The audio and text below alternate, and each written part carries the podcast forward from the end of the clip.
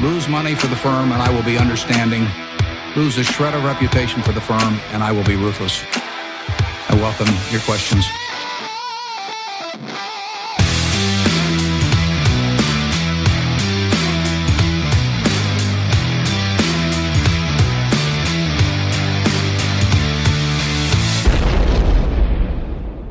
Hej och hjärtligt välkomna till Kvalitetsaktiepodden.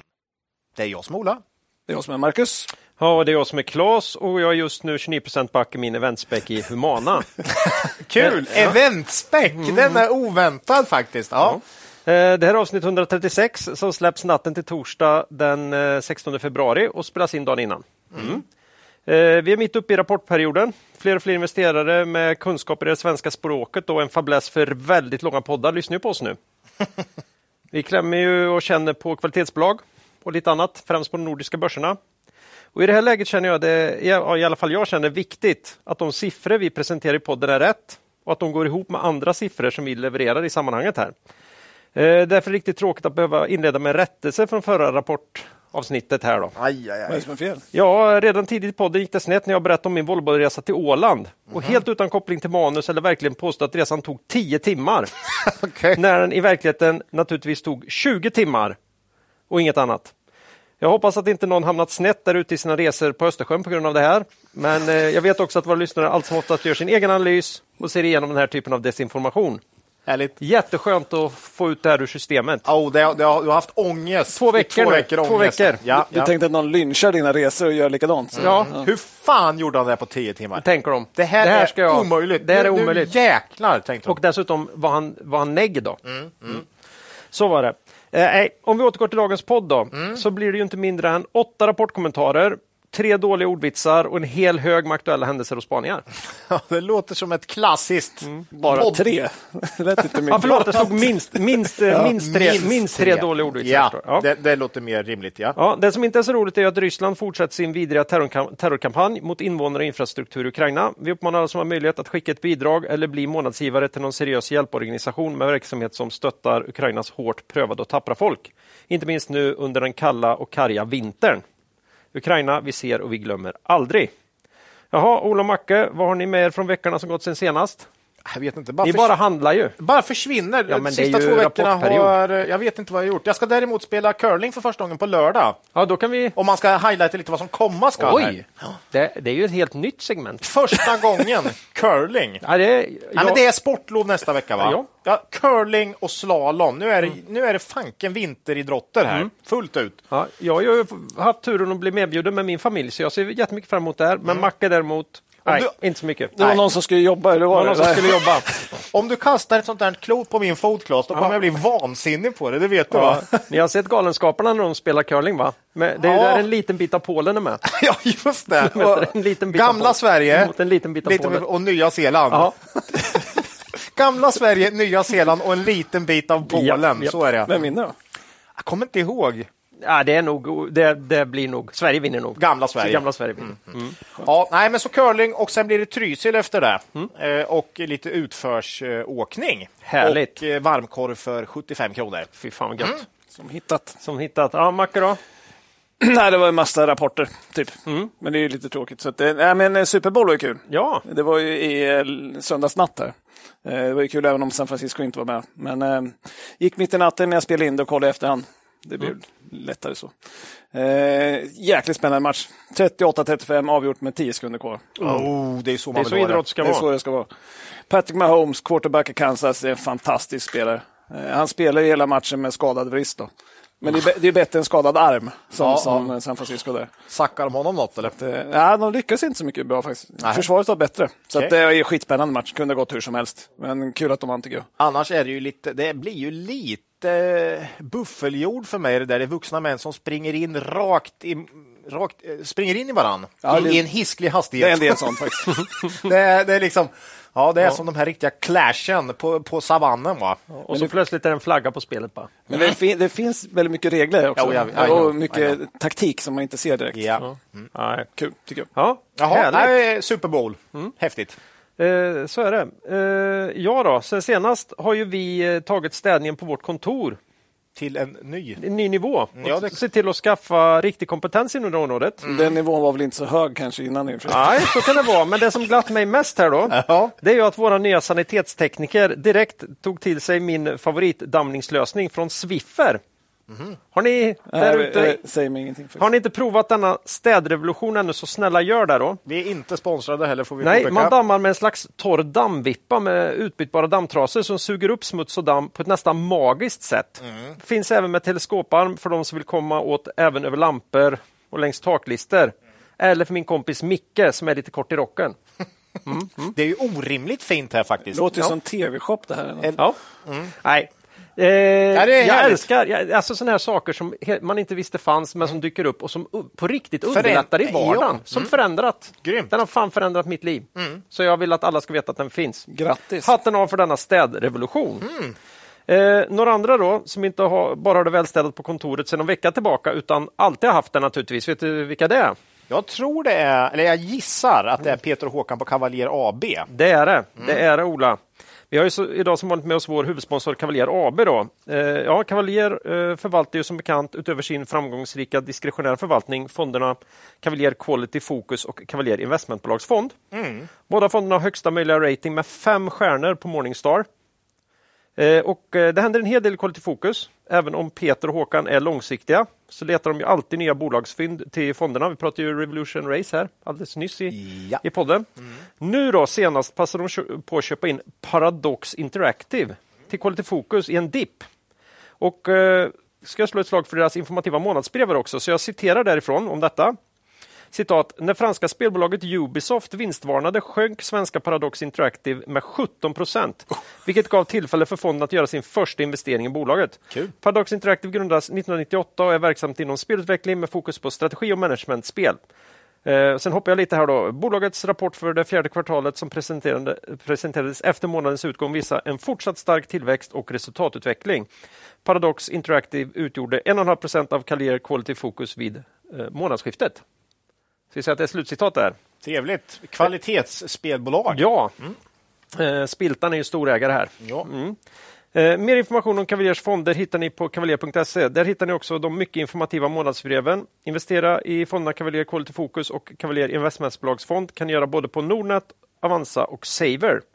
Och när vi pratar om fonder är det viktigt att komma, komma ihåg att historisk avkastning i fonder inte behöver vara en indikator på framtida avkastning och att ni kan förlora delar av ert satsade kapital då fonder både kan gå upp och ner i värde. Tack säger vi till vår huvudsponsor Cavalier AB. Ja, med oss idag har vi också eh, som vanligt vår sponsor Nordnet som nyligen utsågs till Årets bank. Väldigt välförtjänt. Eh, Nordnet är plattformen som möjliggör ett framgångsrikt aktivt sparande oavsett storlek på plånboken eh, och vart ni som kunder än befinner er i livet. Eh, för att lära er mer och skaffa ett konto kan man gå in på nordnet.se, ta del av eh, det, eh, allt som Årets bank har att erbjuda. Och, som vanligt vill, vanligt vill Nordnet påminna om att finansiella instrument både kan öka och minska värde. Det finns en risk att ni inte får tillbaka de pengar man investerar. Eh, tack säger vi till Nordnet. Mm. Och sen har vi några andra som alltid brukar med, vara med Börsdata. Mm. Vår äldsta samarbets- samarbetspartner. Värdeinvesterarens bästa vän. Mm. Är man inte medlem hos Börsdata än så blir det. Alla medlemsnivåer och priser hittar man på börsdata.se pristabell. Själva tjänsten hittar man på borsdata.se terminal. Där har alla tillgång till en utmärkt basversion som ger ett bra smakprov, smakprov på vad tjänsten har att erbjuda. Gå in på Börsdata om ni inte gjort det än. Ja. Och tack! Tack. Eh, och innan vi går vidare i avsnittet vill vi påminna våra lyssnare om att aktieinvesteringar alltid innebär ett stort risktagande. Aktier kan både gå upp och ner i värde. Satsa därför aldrig kapital på aktier som du inte är beredd att förlora. Det vi säger i podden ska aldrig betraktas som köp eller säljrekommendationer. Gör alltid din egen analys av bolagen innan eventuell handel. Det var det. Det var det.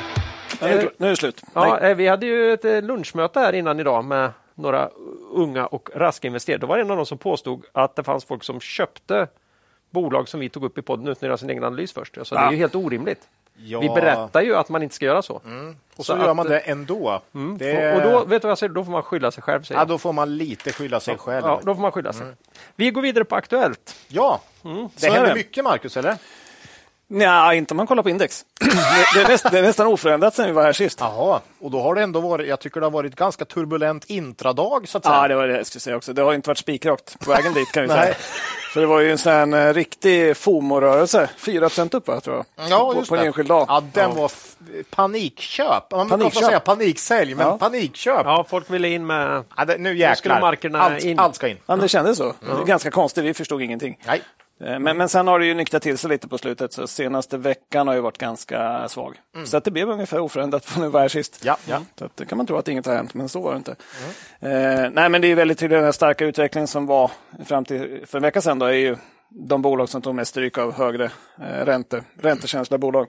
Antingen stor skuldsättning, som man var rädd för balansräkningen och blev lite mindre rädd, eller hög ja, eh, vinsterna långt ut i framtiden. Så att hög diskonteringsränta är dåligt. Liksom. Mm. Man behövde låg och då blir det jobbigare. Ja, de har ju återhämtat sig ganska mycket initialt här i, i år. Ja, men så är det. Mm.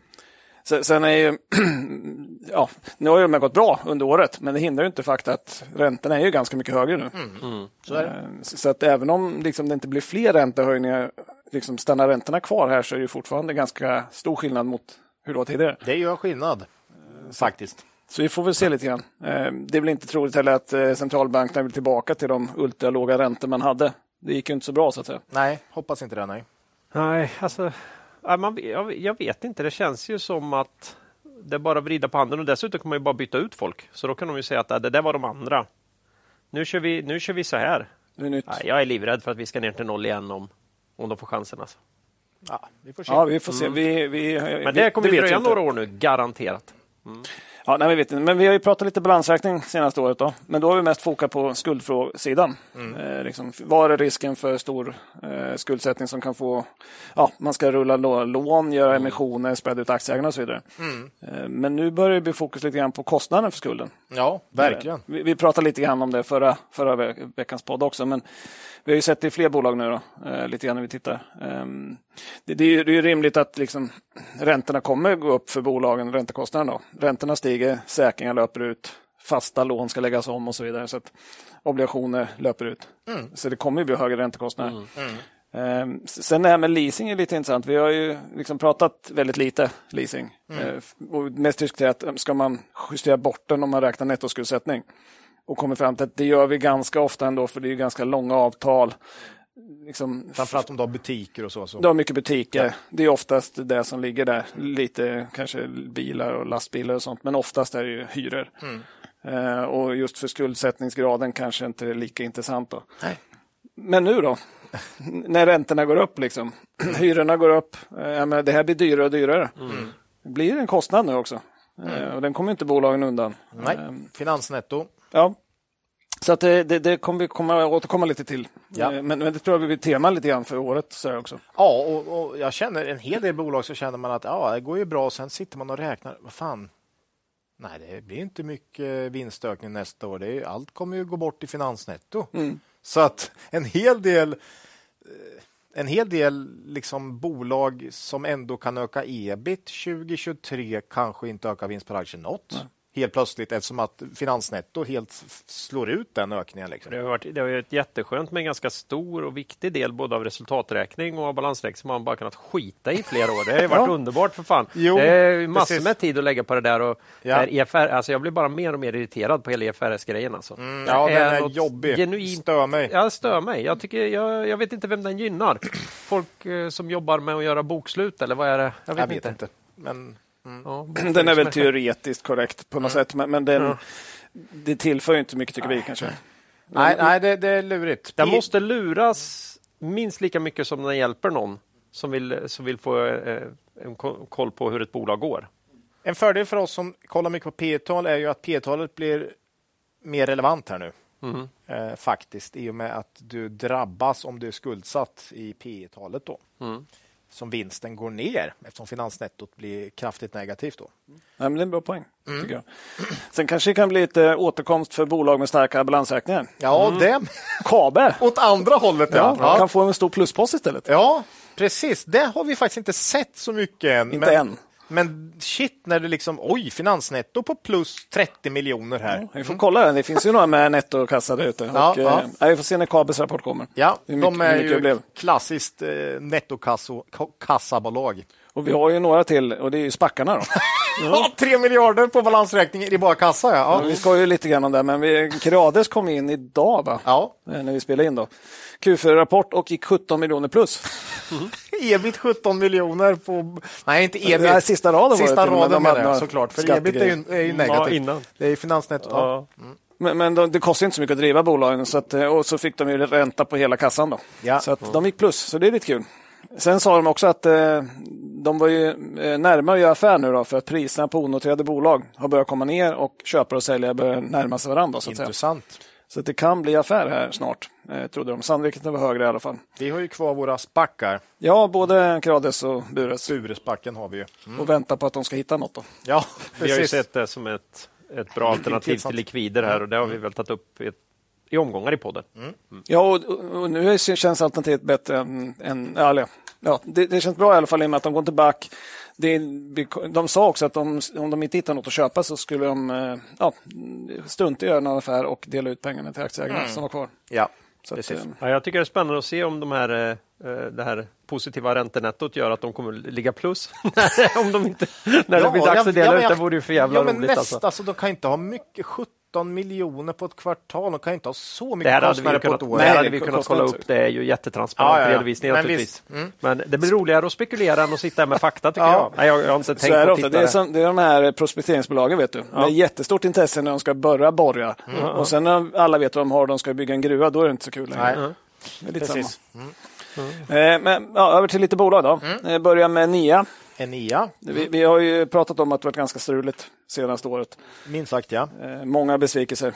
Eh, extremt svårt att gissa utvecklingen och därför gör vi ingen hel genomgång utan det blir en kort kommentar istället.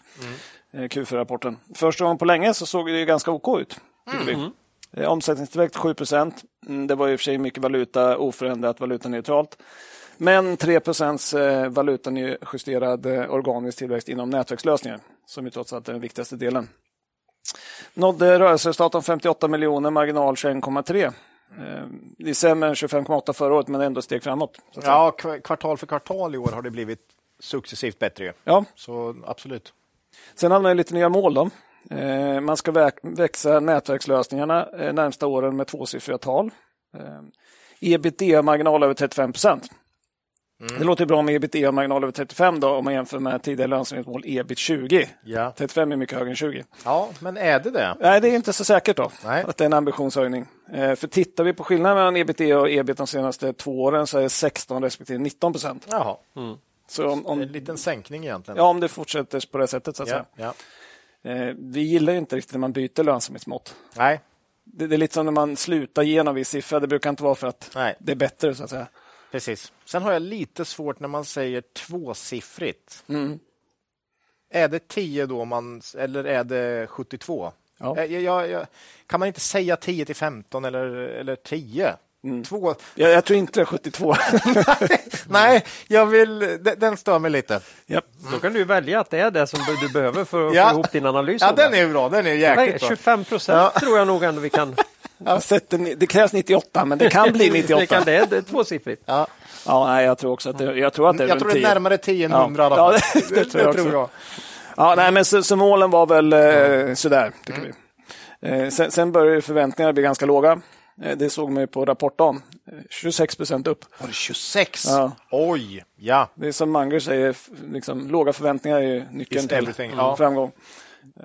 Eh, Så att sen har den fallit tillbaka lite grann, då, men, men fortfarande en bra bit över kursen innan rapporten. Då. ja. Eh, Vi har ju tagit en liten bevakningspost. Eh, Det hade vi inte tidigare. Har lite extra koll då. Men vi vågar inte ta ett riktigt innehav än för att vi tycker att det är för osäkert. Då. Vi har ju tagit ut den i buy and hold historiskt också. Två buy and holder tror jag den är med. Ja, så vi hoppas att de kommer tillbaka. Men man måste ändå visa att man är helt tillbaka efter Ja. fjolårets svaga utveckling. Eh, Man kommer att ha lätta komps i Q1 kan vi säga. Minst sagt. Men vi, vi får återkomma lite senare under 2023. Ja, exakt. Ett till bolag som inte har lyckats bra på slutet är NGS. Då. Eh, och när, när vi pratade om dem senast så sa vi att vi skulle släppa dem och inte ta upp dem på ett tag. Varför gör du det för dem? Ja, det kan man fråga inte sig. låta bli. Nej, men det, det, de kommer med Q4-rapport då, 9 februari. Upp omsättningen eh, 9% resultatet ner 85% Det var inget bra. Jobbigt. Eh, Det var lika dåligt som i Q3 och därför tänker vi inte gå igenom man, ja, rapporten i en vanlig analys. Då. Eh, Som vi sa så sålde vi aktierna i slutet av förra sommaren. Då. Eh, Det ska ganska mycket till för att vi ska få tillbaka förtroendet efter en sån här krasch. Då. Ja. Men det var några andra saker som var intressanta så det var därför jag tog upp det. ja. Eh, Det första var den här nationella upphandlingen då, i Sverige för kommuner och landsting. Den som man avbröt förra året. Då. Här sa NGS att man har ju kört en ny upphandlingsprocess. Då. Eh, Men det verkar gå som den förra. Då. Sådär. Sådär. Mm. Man startade hösten 2022, hade skulle ha ett nytt avtal på plats 3 april hade man tänkt sig. Eh, Men enligt NGS då hade den samma uppenbara brister som den tidigare. Vad vad- vad håller de på med? Nej, jag vet inte riktigt. Det, det är väl det här med, Claes, du har varit inne på det här med att mm, liksom, grundsynen i vad man försöker åstadkomma är lite olika från de två parterna så att säga. Ja. Ja, men det, ja, men det blir ju helt skevt. Alltså, jag, jag, ja, det blir ju löjliga liknelser, men det är klart om jag åker till bilhandlaren och får för mig att säga att den där bilen, bara, jag vill ha den, 200 000 eh, är den. Ska, ja, men den du ser, ju, 450 har vi satt på skylten här. Nej, 200 000 kostar en sån bil. Jag kommer ju inte komma, jag kommer inte komma därifrån med någon sån bil. Nej. Och det är det spelet man försöker spela. Det funkar ju inte så i en marknad. Nej, just- De låtsas ju att ja, men vi är de enda som kan leverera jobb till er på något sätt. Uppenbarligen är det ju inte så. Nej. Man, hade väl ett direktiv att gå in med att minska Ja. den här delen, andelen Ja. också. Då blir det ganska svårt att skriva en upphandling som man Oerhört svårt. Man inte vill egentligen. Nej, Nej, allt är ju, allt är ju bakom framvänt här. Ja. Se till att folk vill jobba i landstinget istället. Att, att, att man vill välja att vara där i första hand. Se, se till att ha det lite gött för att hålla på med sån här skit. Ja, det är konstigt. Det är dumt. Ja. Ja, nej, vi vet inte exakt vad det var den här gången, men uppenbarligen så den överklagades igen då, och förvaltningsrätten i Göteborg har stoppat upphandlingen Jaha. tills vidare. Då. Då rullar det på som... Ja, det blir väl som tidigare då. Ja. Gamla avtal gäller och sådär. Eh, så vi får se, men det verkar dröja innan det blir ett gemensamt avtal då, i Sverige. Ja. Eh, I Norge då, så sa man på NGS då att det är på gång med en ny nationell upphandling. Planerad start 1 oktober 2023. Då. Eh, och en sån kan ju vara både möjlighet och hot, lite grann, Ja. beroende på hur det, hur det blir. Då. Men det finns ju bättre förutsättningar i Norge, för det har man ju sagt tidigare att man försöker jobba ihop för att lösa, För vård, att lösa vårdskuld. Då. skulden Ja, ja. istället för att motarbeta. Då, så att säga. Så vi får återkomma i frågan om upphandlingar, men, men det rullar på i Norge, inte lika mycket i Sverige. Nej. Sen, sen tar vi med en jordfräs. Vi hade ju det. Veckans jordfräs. Ja. Okej. Det blir sint den här gången. Då. Sint. Det är inte inte någon- cinch kan vara första, Sinch. första gången Sint är med i den här podden. Nej, det tror jag. Jag vet inte ens vad de gör tyvärr. Välförståelig Det, anledning. det kan faktiskt bli sista också, men Vad gör de? Jag vet inte ens vad de gör. Det är väl ett nytt bolag antar jag. ja, de är ganska nya. Vad gör de? Eh, de, de håller på med marknadsundersökningar egentligen. Okej. Eh, har något system för det. Eh, och det var lite det som var problemet. då. Eh, man, man publicerade en vinstvarning, varnar för lägre omsättning och, och resultat och sa att man, eh, det intressantaste var här att man skyllde på en markant ökning av bedrägerier betydligt högre än den typiska nivån på 5 Och Bolaget har ju sådana här marknadsundersökningar med fråga konsumenter inställning till produkter, varumärken och så vidare. Och så anlitar man dem för att se vad folk tycker. Och Tydligen finns det då ett problem med bedrägliga svar. då. Jag gissar att det är bottar eller liksom någon som inte svarar ärligt. Eller jag vet inte vad ett bedrägligt svar är. Men... Ja, I vissa fall kan du väl få någon slags kickback tänker jag för att du svarar eller? Så det Ja, finns ett- och, och den är ju svår att veta vad folk tycker. Men om, om folk sitter med datorer där ute och svarar. eh, Det är ganska värdelösa svar såklart. Ehm, och det här verkar ju bolaget innan IPO inte ha sagt så mycket om. Då. Nej. Men nu är det, det, var, det tydligen... var inte fokus i. Den var inte fokus. Det var mer fokus på den fantastiska tillväxten kanske. Typ så.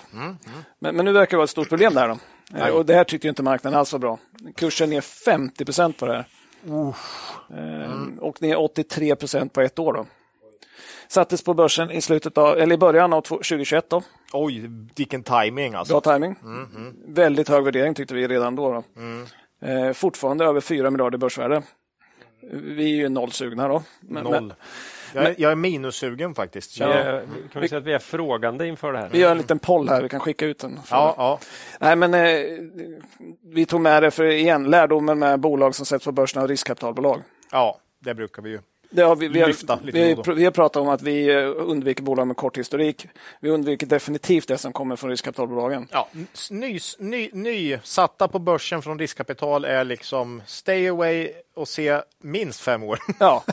Ja, men de är ju expert, de är jätteduktiga riskkapitalbolagen. De bygger strukturer, Mm. de optimerar på massa sätt och så optimerar de perfekt Mm. till timing för att sätta på börsen. Det går så bra som möjligt. Och, Snyggt våren 2021 också. Det är ju jäkla fin timing alltså. och optimal värdering för de gamla ägarna, Ja. inte för de nya ägarna. Nej, Eh, Så att, eh, ja, nej men det, så tänker vi på ny, tänker vi. nya noteringar av eh, den typen av bolag. Ja. Och det och är lite så här, de skjuter sig själva i foten. Mm. Jag menar, det, det måste snart börja bli svårt att komma med de här. Ja, ja det verkar. Men i rätt börscykel på något sätt så, Ja, då glömmer så, folk. Så, glömmer folk och så tar de den då på något sätt.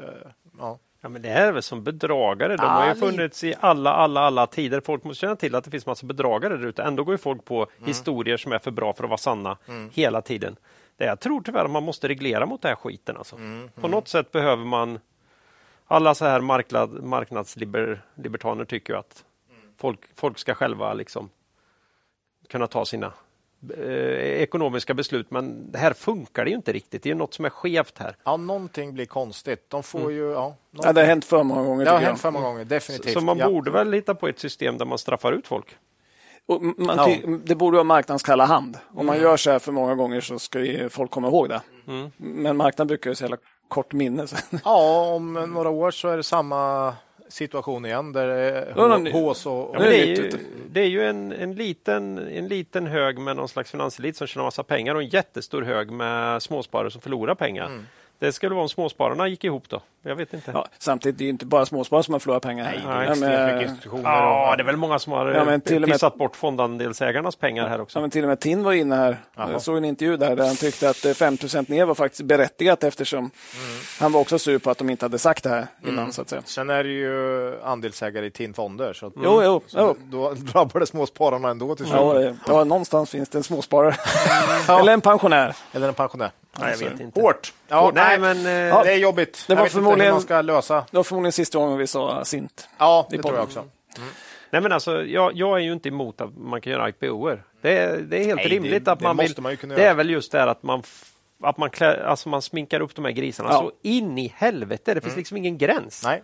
Det kan jag störa mig Vi på. är för att vänta Jo, jo. och se. Vänta några år och se vad det blir av det här och sen kan du gå in i det möjligt. Men sen är det intressant också, det är ju, när det kommer som flest, det är oftast det sämst. ja, de, ja, ja. de som lyckas göra emissioner, eh, vinstdrivande lyckas göra emissioner när det är lite sämre börsklimat. Ja, ja. De är ju oftast bättre. Kommer det något i sommar här då kan Ja, kanske ja men faktiskt så. Ja. Inte något då där det skriker jag behöver pengar, Nej. men, men något som tjänar pengar Ja. Mm, som kommer i dåliga tider. Det kan man... Ja, tack för att du tar upp det här. Det är Ja, jätteviktigt. viktigt. Ja. Eh, så kör vi avsnittets iGaming då. Ja, alltid va. Ja, det får bli bättre Collective. Det är ju en affiliate då. BC. Eh, BC. Mm. Before Christ också, Danska. men är något helt annat. Mm. Danska, vet du. Har, har inte varit med så mycket. Nej, Nej. verkligen inte. Nej. Men haft väldigt, den starkaste utvecklingen av affiliates då. Och kvalitet får man säga. Så. Eh, 6 februari gick man ut med en vinstuppjustering då för 2022. Eh, justerade upp organisk tillväxt till 34 procent. Man har sagt 20 till 30 då. Eh, justerat ebitda-resultat om 85 miljoner euro. Eh, intressantast tyckte jag var det här med att man sa att man hade varit utomordentligt bra fotbolls-VM. Ja. Det börjar bli lite olika bud om det här. Eh, meningarna går, åsikterna går isär där lite nu. Och då kan man ju tänka sig, är det kanske bättre för affiliates än för operatörer? Mm. Möjligtvis. Man vill få in massa nya kunder men kanske inte går lika bra när de väl är där så att säga. Ja, men det sa ju Kindred också att kundtillströmningen har varit Det var jättebra, men, eh, men spelutfallet var... Jag ska prata Skräp. Betsson här sen. De hade väl lite mer åt bättre kollektiv-hållet. Ja, men det kan ju tänkas att de här affiliatesarna hade en bra Absolut. tid under VM. My, så, mycket, mycket möjligt. Mycket möjligt. så det var lite intressant. Ja. Eh, sen har ju de köpt 5% i Catena. ja, den är ju media. intressant. Men Catena har gått som, fang, som en skållad råtta på slutet, eller? Jo, men de har ju sagt att de ska göra en strategisk översyn. Ja, jo, jo. De sålde ju de här Ask Gamblers hade vi med. Men sen gick de ut och sa att de nu, nu var allt i spel så att säga. Ja. Det, är inte som, det här är inte som fastighetsbolagen höll på med för några år sedan nu, eller för något år sedan är det väl bara. Det har gått så fort nu så att ja, då köper vi 5% i er, säger Catena. Ja, ja, ja, men då kan väl jag köpa, då kan väl jag köpa fem. Ja, det är en det klassiker. kan vara lite så. Nej, för, för, för det här är lite intressant, för de ska göra en strategisk översyn på Catena och nu köper Better Collective 5% Positiv tolkning, de är jätteintresserade av att köpa hela. Negativ, de kan blocka alla andra som är intresserade. ja, den har inte jag Den är sann, ja. Så ja, det är ja. ju, Jävlas bara. beror ju lite på. Aj, aj, oh. Så att det blir intressant att se vad det tar vägen, tycker Mm, vi. Så att, eh, Spännande. spännande.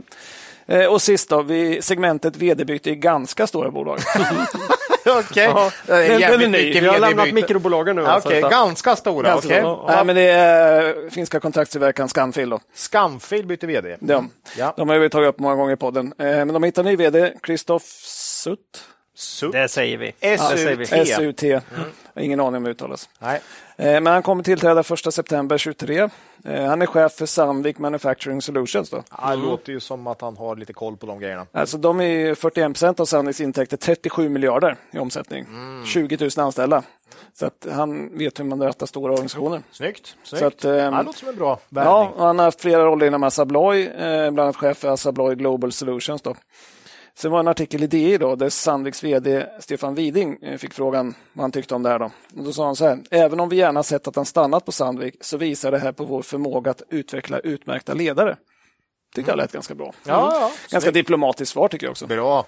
Mm. Ja, men hoppas det blir bra för, för Skamfil då. då. Ja, en bra rekrytering. Kul Vi har att väl de... lite andra intressanta vd-byten här i veckan, men det kanske Ja, kommer senare. vi sparar det till Vi sparar bolagsdelen. det till det, till det go godaste. Så att, eh, Men vi, vi äger aktier i Scanfil. som Ja, det gör vi, ja. Det ska bli spännande Q4-rapport, se vad de säger om 2023. Då. Ja, Så att, eh, ja, det fick bli avslutningen på. kul! Aktuellt. Spännande! Ja, det händer mycket och framförallt är det ju rapporter och det är Ja. väl det vi ska in på nu, va? Ja, Eller är det något vi annat, kör. Claes? Nej. Nej. Har du eh, något som du vill förtälja innan? Nej, nej. Jag känner att det kan vara läge att komma Förtälja vidare. var som att han satt på någon stora hemlighet. Ja, ja, Det okej. vet man aldrig. Nej, det vet man aldrig. Ah, okej. Det vet man aldrig. Vem Eh, får börja då? eh, Först ut. B&B, Bergman och Beving. Industrihandelskoncernen som eh, vi har blivit mer och mer intresserade av här under senare tid. Eh, knoppat av många fina bolag genom åren. Var med, jag är väl med i våran Buy and Hold Mm, var det med? senast eh, och därför också med i avsnitt 131. Då. Ja. Och i 128 efter Q2. Eh, Då handlas med 84 kronor. Eh, Vi sa värderingen var klart lägre än historiskt snitt. Eh, Sen sa vi också att det fanns negativa engångsposter i rapporten då, kopplat till IT-intrånget hos ett partnerbolag till dotterbolaget Luna. Just det. Då sa man också att man hade löst det och trodde att man skulle få lite boost i nästa kvartal av det. Då kan man fråga sig, blev det så då? Mm, blev det så, Marcus? Ja, det blev det faktiskt lite grann. Eh, ma- omsättningen i Q3 steg 7 till 1,24 miljarder. Det var spot on på vår gissning faktiskt. 2% över pinpoint. Eh, så det var bra. Eh, här ska man med sig förvärv av 7% valuta 3 Så organiskt var det minus 3 Eh, här jobbar man ju sedan tid tillbaka med, inom återförsäljardelen med att fasa ut affärer som har stor volym och svaga marginaler som man har sagt. Ja.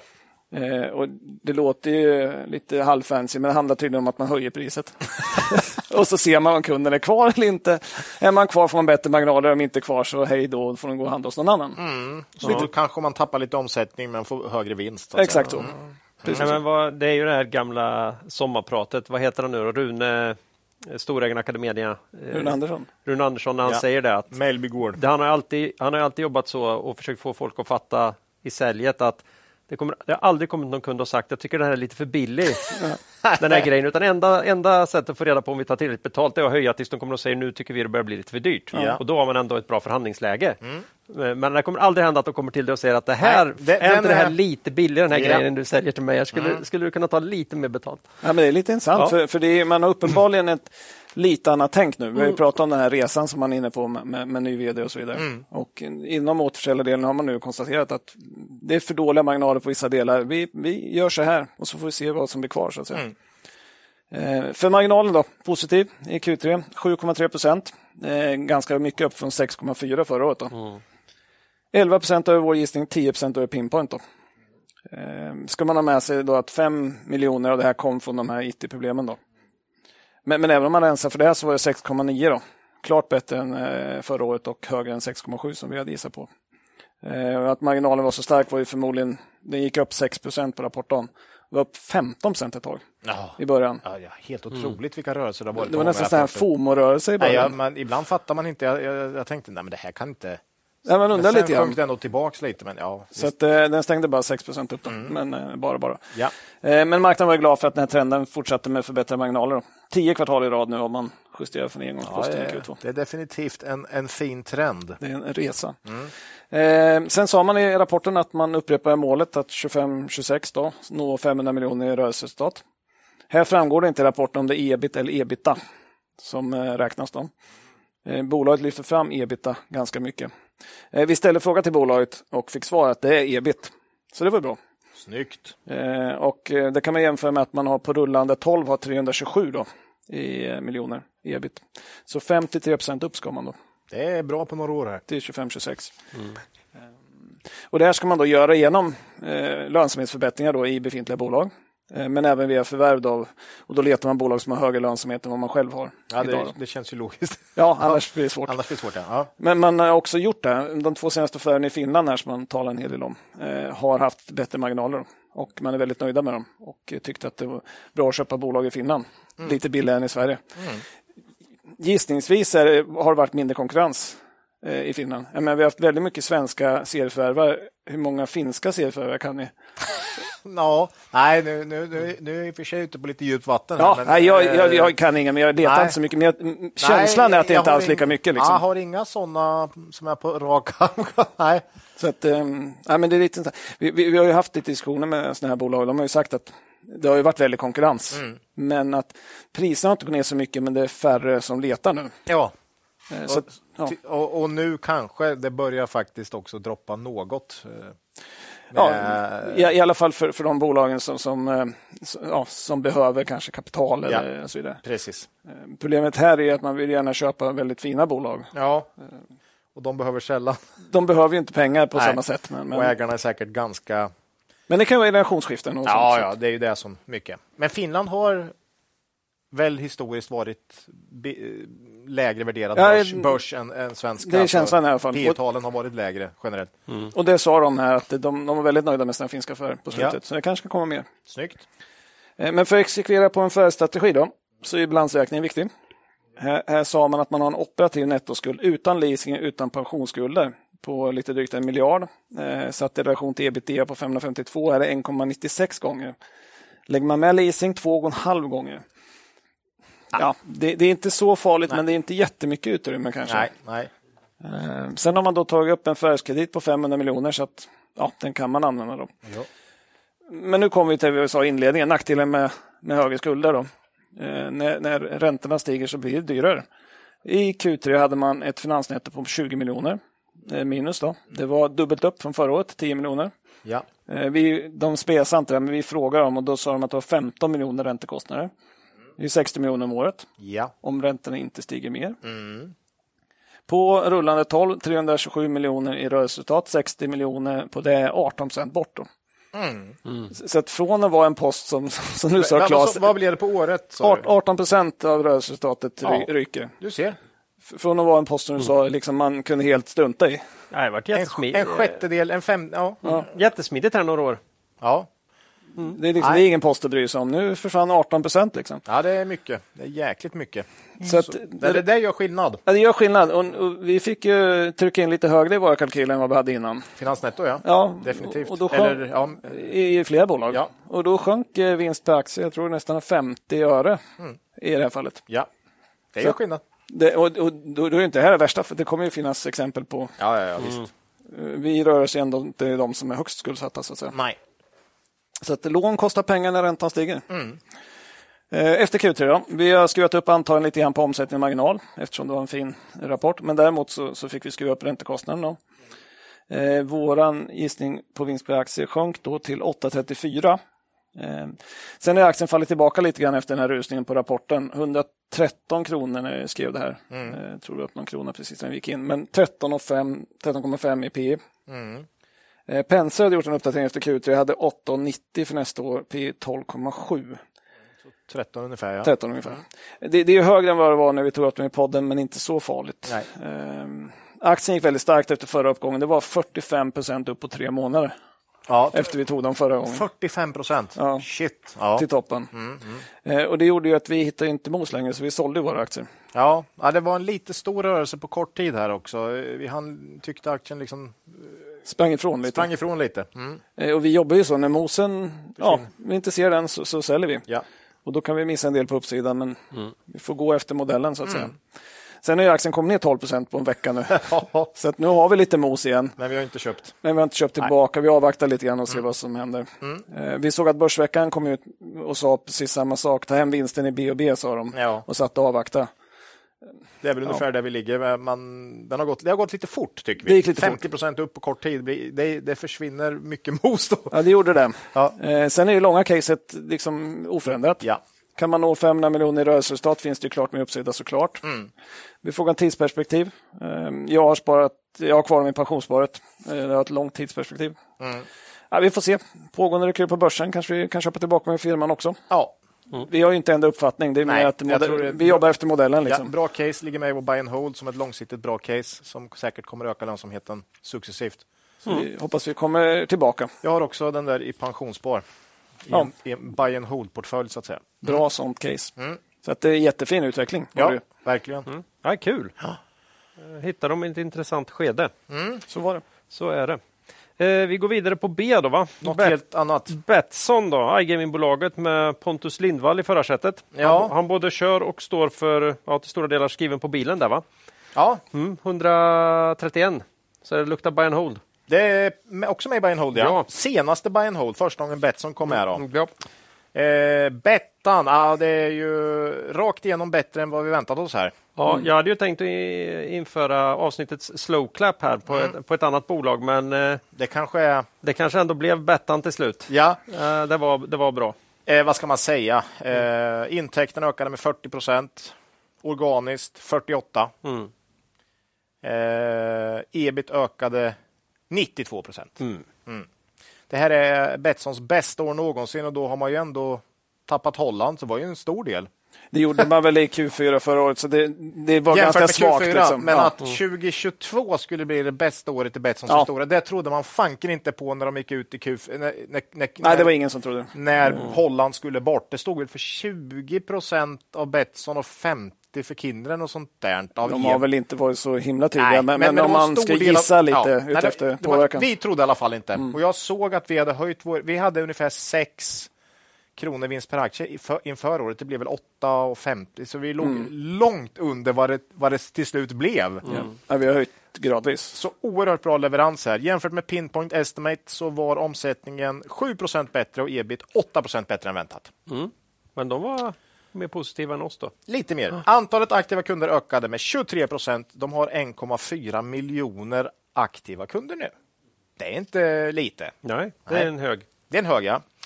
Eh, Bakom den här fina utvecklingen ligger en mycket stark tillväxt i eh, Latinamerika där omsättningen Latam. ökade med mer än 100 procent.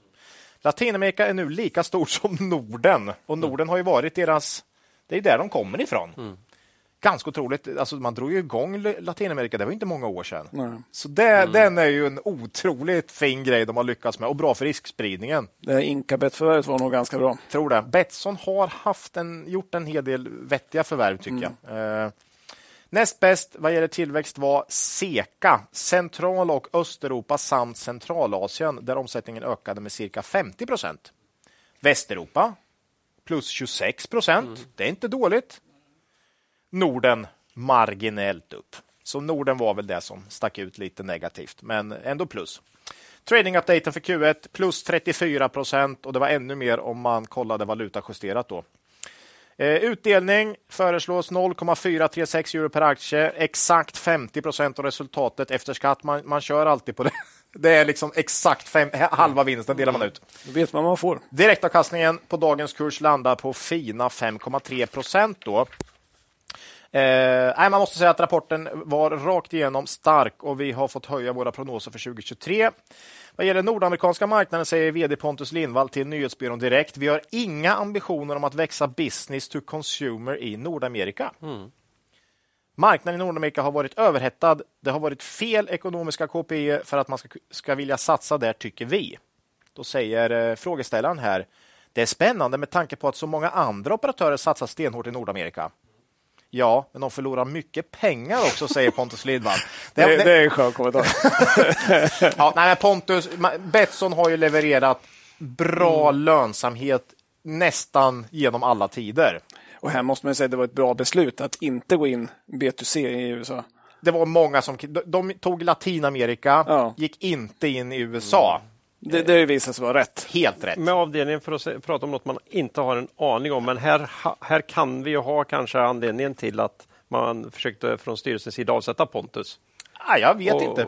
Och, och Pontus är kvar. Jag, jag, ska det finnas någon fråga som, som, som kan göra att man gör något så jävla korkat så måste det vara det här. Man har helt enkelt helt olika syn på. Och det var väl USA. lite i den Ja. vevan USA var Ja. det, det nya guldet, va? Eller? Och man pratade om att man ville ha en mer internationellt eh, inriktad VD och så här på något sätt. Am- Ja, Läs amerikan. Ja, Pontus har gjort det superbra. Bets, om vi tar fotbolls-VM här. Men det här vet jag ingenting om, jag bara Nej, funderar. du Ja. spekulerar jag lite. spekulerar vilt. Men det får man göra. Det får man göra. Ja, Mm. Om man säger att Om man nej, sä- nej, man får göra det man ändå. får göra det ändå. Alltså det här med freedom of speech är, Ja, det är ju underbart. Det var ju jättejobbigt om vi skulle börja säga det varje gång vi gjorde det. Mm. i USA, nej i Sverige. Spekulera med det. Det vore ju tjatigt. Eh, Fotbolls-VM. Betsson är nöjda här, säger man. Ja. Både vad gäller kundtillväxt och hur det bidrog till omsättning och resultat. Så för Betsson var det både och. här. Kindred var ju väldigt tydliga med att de var nöjda med kundtillströmningen, men att det påverkade eh, resultat negativt. Precis. Eh, ja, det är lite märkligt att det är så olika syn på det här, men det är ju klart olika geografiska marknader. Eh, Kindred lyfter ju mycket Frankrike och Holland, kommer jag ihåg. Eh, Medan Betsson kanske har tjänat på sin eh, Sydamerika-satsning där. Ja, frånsett finalen. Jag såg att de sa att de gick back på finalen. Mm, 3-3. Eh, Ja, det- Argentina, Argentinarna hade spelat mycket på Argentina. Ja, oh. Men de fick in väldigt mycket kunder i resten. Då, så säga. okej. så att, ehm, eh, men om man tar skillnaden mellan, mellan de två. Jag menar, det, som Kin- Kindred sa största problemet var ju att de fick skjuta upp matcherna. Ja. Och det är ju förmodligen i de stora europeiska ligorna. Och de är stora i UK, Ja. de är stora i Frankrike, de är stora i Holland. Ja. Mm. Bets. Betsson har inte startat i Holland, de är inte så stora i Frankrike och de är inte så stora i UK. Men de är stora i Sydamerika och de ligorna har inte kört igång. Jag tycker it makes sense. Det- ja. Det, det, jag tror faktiskt det är så enkelt. Jag tror inte det är någon som ljuger här, utan jag tror helt enkelt att det är... Sen- Geografin spelar roll. Geografin spelar roll, helt enkelt. När, Eh, när startar de turkiska ligorna då? Nej, jag vet, Ja, jag vet inte. riktigt. Och det är väl lite det sa han väl inte heller i Turkiet här. Nej, Ehm, Nej, som vanligt. eh, kassaflödet är som vanligt superstarkt i Betsson och nu är det ju som sagt, man har ju inte man har ju inte startat upp i Holland igen. nej. Eh, man väntar väl på det, men samtidigt hävdar man att man klarar sig utan Holland med, men man har ju skickat in en ansökan. Ja, man sa att myndigheterna håller på att behandla den. Ja. Jag hade inget mer att Nej, säga. för Betsson hade ju en stor verksamhet och man kan säkert ta en bra kaka av det där, så att jag hoppas att Mm. man kommer igång där för att driva den tillväxten. Ja, man var ju ganska stor, så man måste ju ha varumärken som har funkat. Liksom, så att Ja, det, det, så- Mm. det ligger ju fortfarande framför Betsson. Kindred har ju verkligen kommit tillbaks. Men och det har gått bra för dem. Mycket bra. Nej, men kassaflödet som sagt, oerhört starkt som vanligt. Vid utgången av eh, året hade man 65 miljoner euro i nettokassa. Den sväller. Den sväller. Eh, Vi tror och hoppas mycket på förvärv under 2023. Det gjorde vi för sig 2022 med.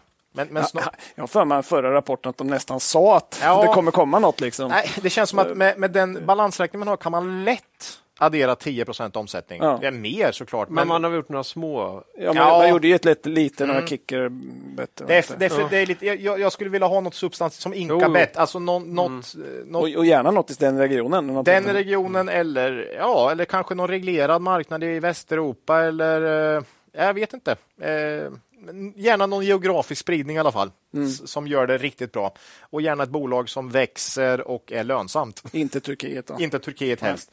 För desto mer pengar man, man liksom slussar in och satsar i nya marknader, desto bättre blir ju Betsson som företag. Ja. Mindre känsligt. Ja.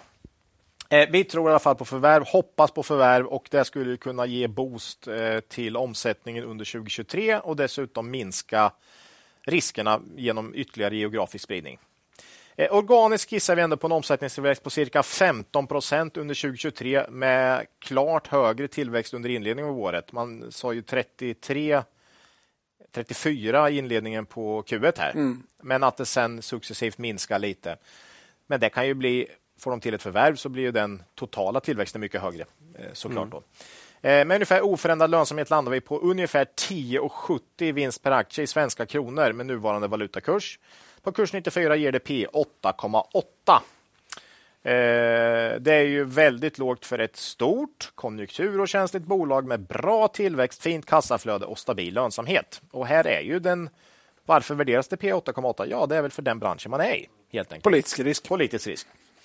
Eh, och lite Turkiet-rabatt. Turkiet-rabatt. Så det är väl att jobba på det, att sprida mm. eh, riskerna och starta upp, få mer så, ja, men liksom, ja, kan man bygga i La Latinamerika och eh, liksom att du, du, får en större spridning på intäkter helt ja. enkelt.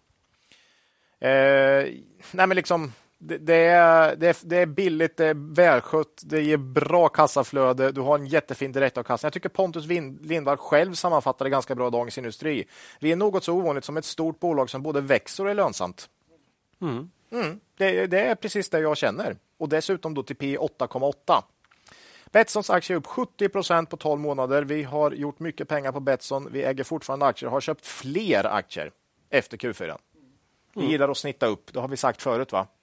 Ja, inte så ofta som vi borde. Nej, det tycker jag nog är någonting man ska ta med sig. Att försök inte snitta ner generellt, utan det... snitta gärna upp. Men det har ju hänt att vi har gjort.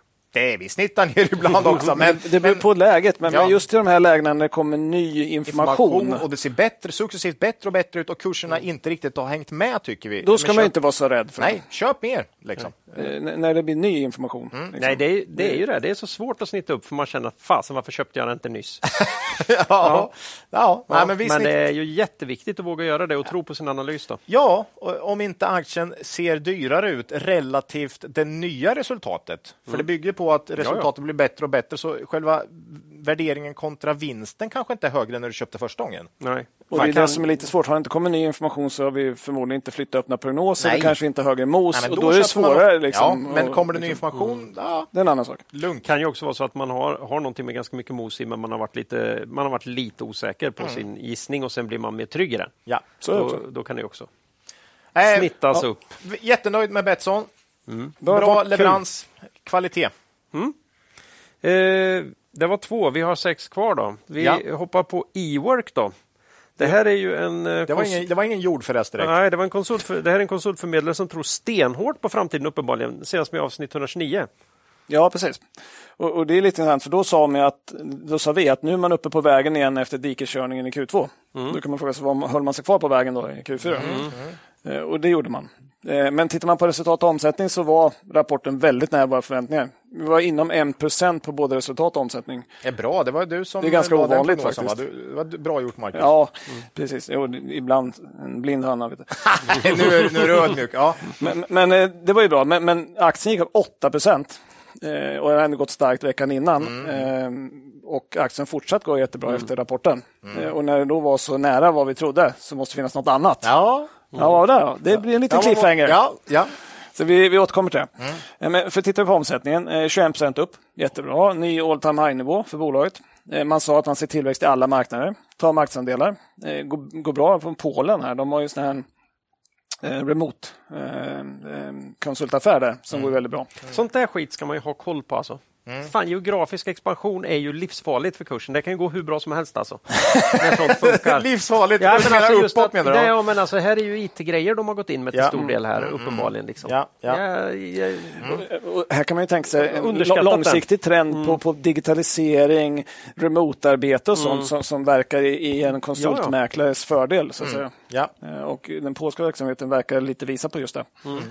Eh, man sa också att man började leverera på i Q3 Q4 på de här ramavtalen som man pratade om tidigare under året att man har tecknat. Då. Mm. För man sa någonting i stil med att det var ju eh, mer fokus på kvaliteten på, på eh, pris i dem. Mm. Eh, så det, det, tycker jag man ser lite grann här också.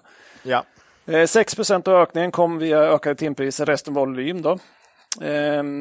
Sen hade man ju 13 500 konsulter på uppdrag. Det är 16,5 procent upp. Då. Ja, det är galet starkt. Det, det är riktigt bra. Shit vad bra det går. Mm. Eh, så det är starkt. Eh, sen i Q2 så var det inte omsättningen, det var resultatet som var problemet. Eh, men så var det inte i Q4. Här ökar resultatet med 30 procent. Så marginalen var till och med lite högre än, än mer, mer ökning av resultatet än omsättningen. Man sa att bland annat de nya tjänsterna går starkt och bidrar med en väsentlig del av resultatförbättringen och att de här nya tjänsterna skalar. Vi har tidigare tagit upp den här Pay Express då, där konsulten får betalt direkt istället för att vänta på mm, pengarna. Just det. Det kan man ju tänka sig bli ännu mer efterfrågan på i dåliga tider. Ja, visst. Du får in det direkt. Få in det direkt, behöver ha pengarna snabbt. Då. Så det är en tjänst som vi tror på. Eh, så att säga. Och den borde kunna skala eh, också, som de säger. Eh, men som vanligt också i Q4-rapporter så är det intresse om utdelningen. Ja. Ework höjde med 30 procent. ja, brukar ju vara en stabil, pålitlig utdelare. Ework. Ja, från 5 till 6,50 då. Nu har ju kursen rusat 18 procent på en vecka. Då. Men vid 157 kronor blir det 4,1 procent då, i direktavkastning. Inte fy skam. Inte fy skam.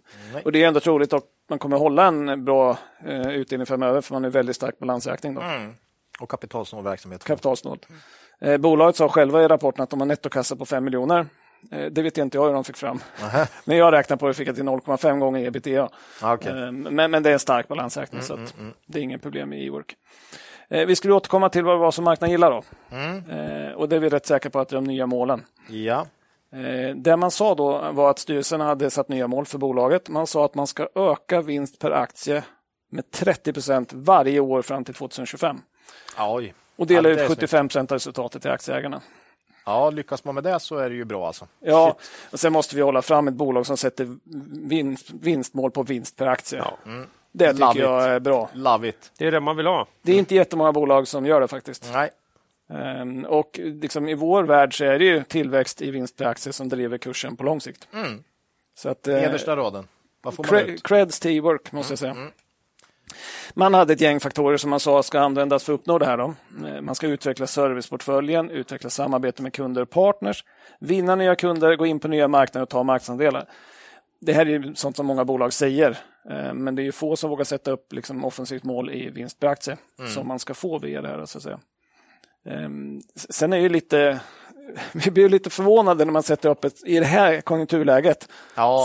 Sä- sätter upp ett jätteoffensivt mål. Ja, det chockar nog många också, tror jag. Det, det kom som en liten chock, tror jag. Och därav kursutvecklingen. Mm. Sen verkar det som att marknaden har sugit in det här. Ja, Det är inte så att man tar det som ännu ett eh, högtflygande finansiellt mål. ja, och det har vi pratat om. Liksom. Ja, för, för ibland bara eh, marknaden bryr sig inte ens, för det är ingen som tror på det. Är Men det här verkar- mål eller vision? Ja, liksom? är det, vad, vad är det här liksom? Det känns ju larvigt. Det är som eh, New, New Waves gamla Ja, New Waves 15, 15 15 procents mål. Det var ju Det var bara ingen som- trams. Där kom de, ja, just det.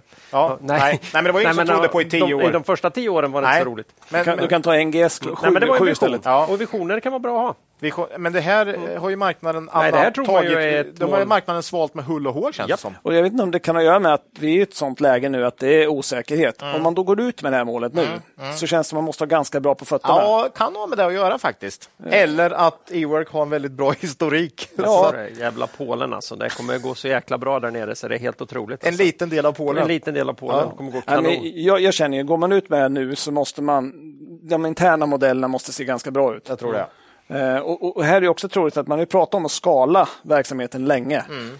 Och förmodligen är det så att man ser nu att nu har man nått en nivå där man kan skala vinsten mer än omsättningen. Mm. Så att man inte räknar med att omsättningen ska öka 30% per år tre år framåt utan att det är marginalerna som ska skala. Då, så att säga. Ja. Och vi har alltid tyckt att man borde kunna skala, det är digital verksamhet. Man borde komma till en nivå där det börjar skala. Mm. Det var ju därför vi var så förvånade i Q2, när Q1 ja, det blev ju en liten eh, chock för oss. Den, den var, den Det var jobbig. Alltså, det var något skit med de där jävla bo, alltså, de- boksluten. Det måste varit något skräp med det där. Ja, alltså. och, och det sa de sen i Q3 när det helt plötsligt dök upp poster som Ja. sa att det var nog inte lika illa i Q2 som vi trodde. Ja, Ja. Det, där var, det där var oturligt alltså. Det var synd, men i alla fall, nu ser det ut som man får mer stordriftsfördelar och eh, ja, mm, om man kan nå det här målet så är det fantastiskt bra. Eh, värderingen då? Ja, den Eh, har väl dragit iväg då. Ja, den har ju gjort det lite grann. Eh, Vinst per aktie på helåret 2022 blev 8,07. Eh, kurs 157, 19,4 i P. Eh, vi trodde efter Q3 på 9, vi har höjt det till 9,50 då för 2023. Eh, 18 procent upp, så då har vi ändå inte lagt in deras 30 procent upp. Då. Eh, så blir det deras mål så blir det högre än det. Eh, men då har man 16,5 i P. Klart lägre än historiska snittet på 20 ungefär. Ehm, ja, Sist vi pratade e-work så hade vi köpt tillbaka aktierna efter Q3-rapporten. Sa vi ju. Eh, Men nu har vi inte kvar några aktier. Nej. Och vi hade det tyvärr inte över rapporten heller. Nej. Utan vi missade den uppgången. Eh, Den hade ju gått ganska starkt inför rapporten och vi var ju ganska osäkra. Eh, Sen träffade vi exakt på prognosen men målen dök upp och Ja, de målen hade vi ingen aning om. hade vi ingen aning om. Nej. Hade vi fått dem innan, då hade det varit en helt annan sak. Men Och det ska man väl säga, uppfyller de de målen så är det fortfarande inte dyrt, eller? Nej, men precis det jag skulle komma till. Jaha, ja, men, okej. Mm. ja, men, bolaget är ganska okorrelerat, men vi hittar inte någon mos just nu. Nej. Men eh, om man känner sig confident med att ledningen levererar på de här målen, Mm. då ska jag säga att den är till och med riktigt billig. Ja, För 30% upp på vinsten i tre år i ja rad. det, det gör ju mumma. Det gör, det gör mumma. Ja. Eh, Men vi har lite svårt i firman att dra ut så långa Men trender. vi har liksom. med dem i buy and hold. De är bara hold. Inte senaste kanske, eller Nej, för inte senaste. den innan tror jag. Mm. Ja, Blanda ihop dem lite. men det är ett bra buy and hold-case i alla fall. Det är ett fint bolag. Jag har det här som ett ganska stort innehav i pensionssparet. Perfekt bolag att ligga på lång sikt. Köpa Eh, och inte sälja. Så säga. Ja, faktiskt. Kan de leverera på de här målen och ens i närheten så blir det jättebra. Så väldigt kul att de sticker ut hakan tycker jag. VD-bytet verkar ha gått bra med. Ja, Eh, nu hittills har man ju haft några rapporter här. Ja. Så att det är ju också skönt när man känner att det fly- fortsätter flyga eller kanske ännu bättre. Så. Och då, sen, sen på konfkålet så, så, så tryckte de på styrelsen satt nya mål, så jag hoppas att även ledningen är committade Ja, till den dem. där är ju lite jobbig. Mm.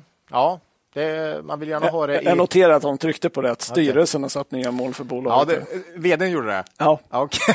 det är lite som att eh, det här kan inte jag leverera. Nej, men, Så att, eh, Satt där i någon sån här hartassar. Liksom. ja, ja.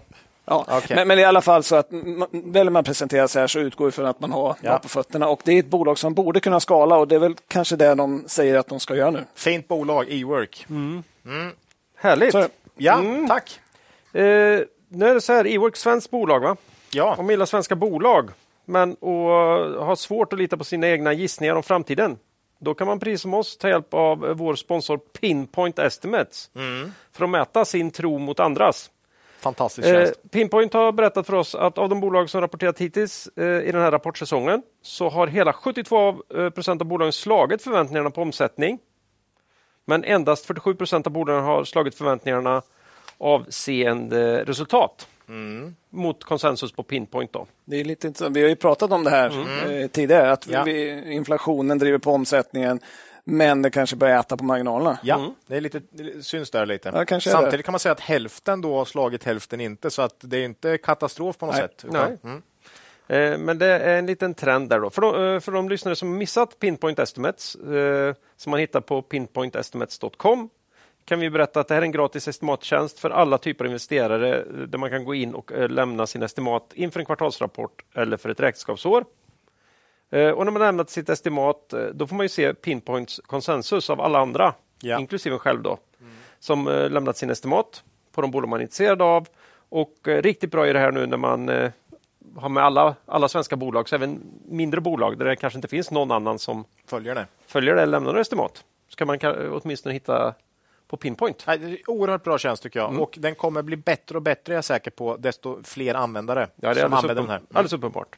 Och Ja. sen är väl på de mindre bolagen det ger mest. Ja. Men om du har liksom 20 analytiker som följer Ericsson Mm. så blir det inte lika intressant vad, vad, vad Pinpoint-användarna tror där. Men, men i bolag som inte följs av så många stora kan ju Mm. Precis. Wisdom Order Crowds hjälpa till och Ja. Nej, få och- en bra bild. Liksom. Många, det finns ju många betalanalyser där ute och så där också som Mm.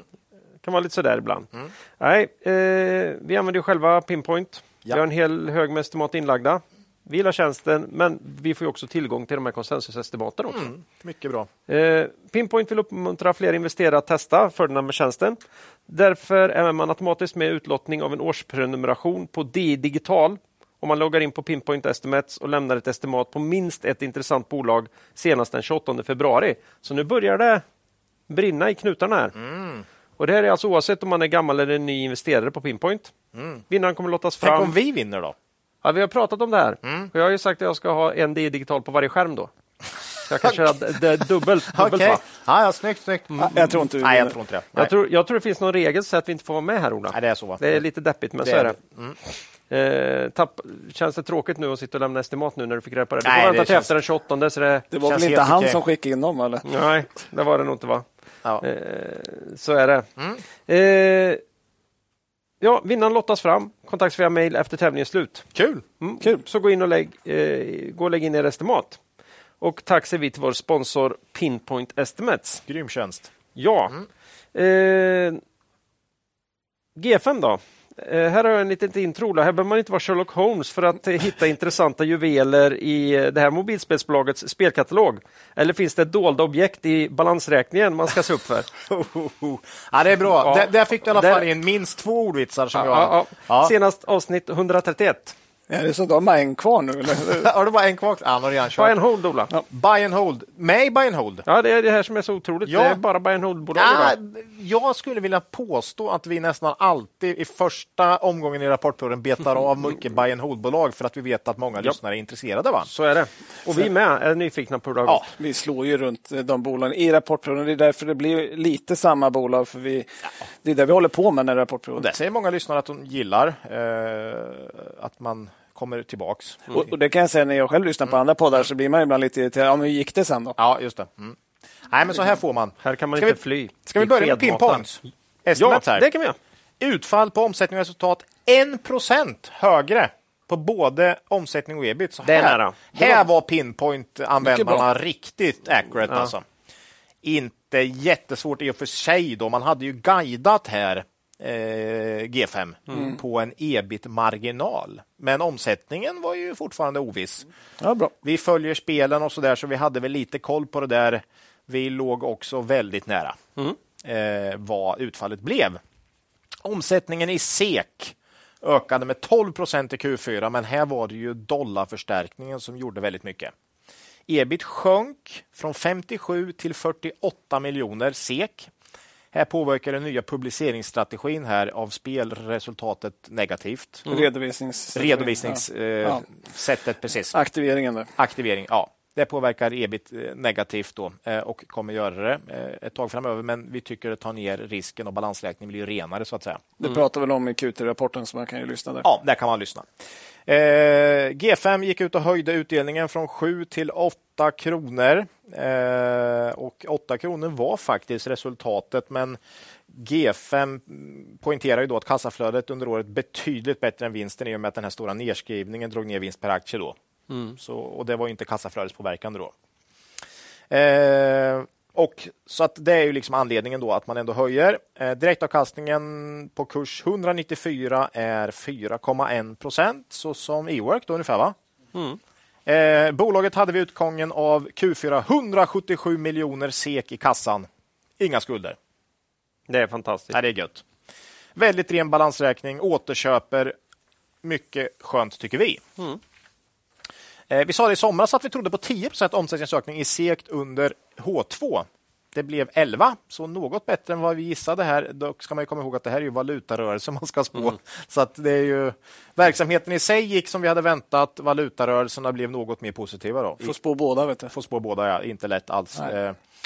Eh, eh, G5 Entertainment har sedan 2019, som vi har pratat om förut, här visat att man kan få fram egna spel. Jewels-serien och Sherlock är här än så länge de bästa exemplen på det. Egen- Egenutvecklade spel svarar i kvartalet för 71 procent av bolagets intäkter. För tre år sedan var den siffran 40. Eh, Det här är en ganska remarkabel resa, tycker vi, som bolaget har gjort lite i det fördolda. Man måste säga att bolaget har lyckats med sin omställning till större andel egna spel. Har hört en hel del som säger att det är ju bara Sherlock. Nej, så är det inte. Sherlock står för 23 procent av omsättningen i Q4, Jewels-familjen för 30 procent. Så eh, här, är det här är det åtminstone de två som bidrar, men det är många fler spel också. Man kommer fortsätta ta fram sex spel per år. Två hoppas man ska kunna lansera större. Brett. Då. Ja. Eh, Så kan man plocka fram något sånt här per år så har du ju en fin tillväxt. För svansen är ju ganska lång på de här. Den är mycket längre än vad man tror. Hidden City är ju tio år gammalt. Och det är fortfarande substantiella intäkter från det. Liksom. Och, och gick lite bättre än väntat här också. Ja, i på Q4. slutet. Nej, Ja. men liksom det, det tappar lite svagt, men det är en extremt lång svans. Så att kan man få fram något sånt här spel någon gång per år och hålla kvar så pass mycket som man ändå gör. Man säger att man pikar de här spelen ofta efter tre år. Men det är ju det här med att man gör nya uppdateringar hela tiden. Ja. Så det blir lite nytt för de som spelar till skillnad från, ja, vi har Ja. ju sagt det tidigare, när man köpte ett spel och så var det bra med det. Ja. Här kan man ju pusha ut nytt material så att säga. Jag var väldigt orolig för G5 2019, för då hade man liksom inte sett det här. Det här var ju framför också.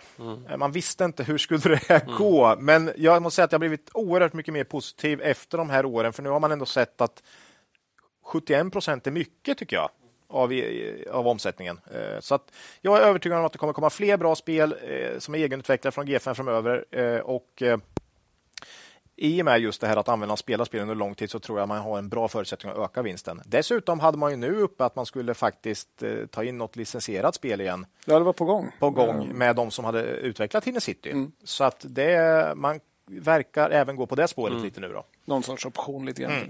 Fördel med egna spel, högre bruttomarginal, vilket såklart påverkar G5s lönsamhet positivt över tid här och det har vi sagt många gånger. En annan sak är det här G5 Store eh, där man själv då levererar spelen så att säga istället mm. för att någon annan gör det. Eh, ja, det är ju Microsoft eller eh, Apple så att ja, säga. Eller Google Play. Eller Google. Store. Eh, det är inte så stor del av omsättningen här, det är bara några procent eh, G5 Store. Men det, nästan fem, var det Fem, ja, ja ungefär. Eh, men det ökar snabbt. Eh, och, och, har ju mycket bättre lönsamhet för G5. Då. Ja, framförallt är väl enda kostnaderna bara den betalnings... Mm. Avgiften man får betala. Och ja. Det är ett par procent eller något liknande. alternativen är ju mellan 12 och 30. 30. Så att, mm. det är ju såklart positivt. Och det var ganska fina kurvor ändå på den här mm. eh, mellan, mellan kvartalen. Ja, absolut.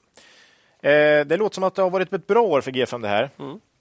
Jag skulle säga att det har varit ett mardrömsår egentligen. Mm. Eh, det vet inte om det finns något bolag på Stockholmsbörsen som påverkas direkt av kriget mellan Ryssland och Ukraina på samma sätt som G5 ändå har gjort. Jag kan tänka mig en, en liten, liten eh, leverantör av Ferronordic. Mm.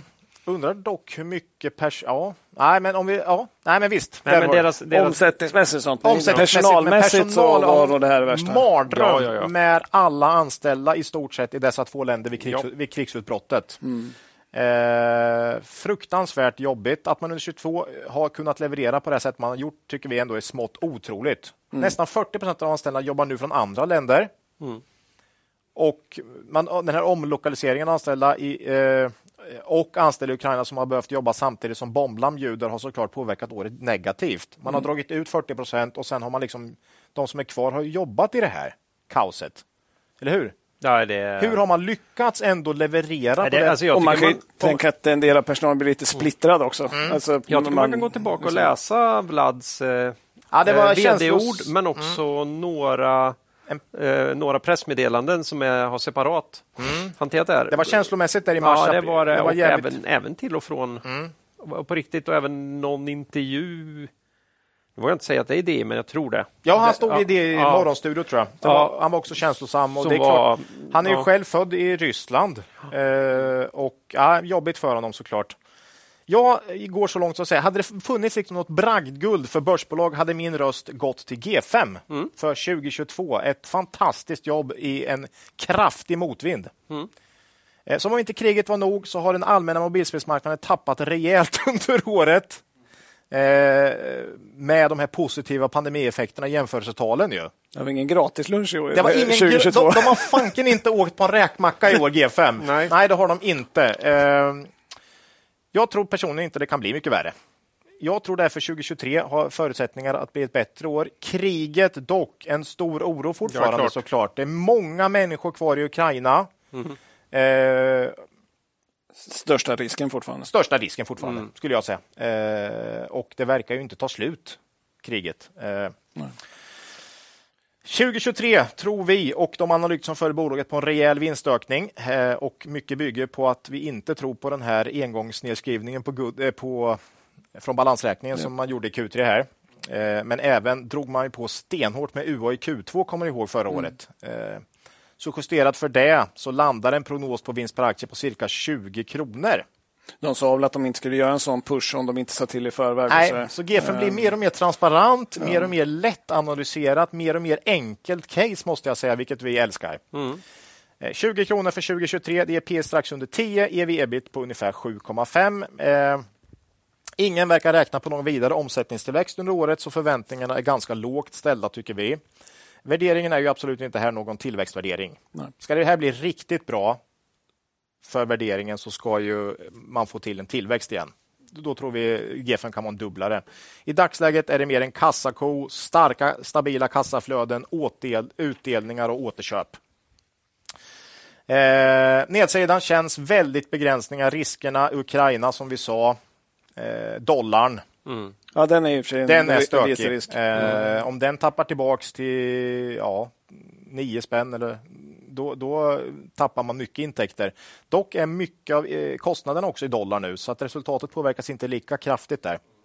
Inte helt säkert hur marknaden skulle se på det. Nej. En, en nedgång i resultat som bara valuta är inte det som marknaden i normalfallet tittar mest på. Nej, och man kan säga eh, som jag sa, eh, omsättningen upp 11 procent under hösten. Kursen har inte gått så bra Nej. och det beror ju på att det är dollarförstärkningen som har gjort det. Så att det är inte säkert.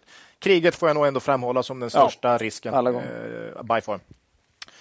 G5, mycket bra risk-reward i dagsläget tycker vi. Nuvarande värdering kräver inte mycket av bolaget, men du får som investerare bra return genom utdelningar och återköp. Vi äger fortfarande våra aktier i G5 och har köpt mer efter, efter Q4. Mm. Det är om G5, eh, börsens bragdguld. Ja, Får min röst. Mm. Ja, efter förutsättningarna. Ja, Men- precis. Bra gjort.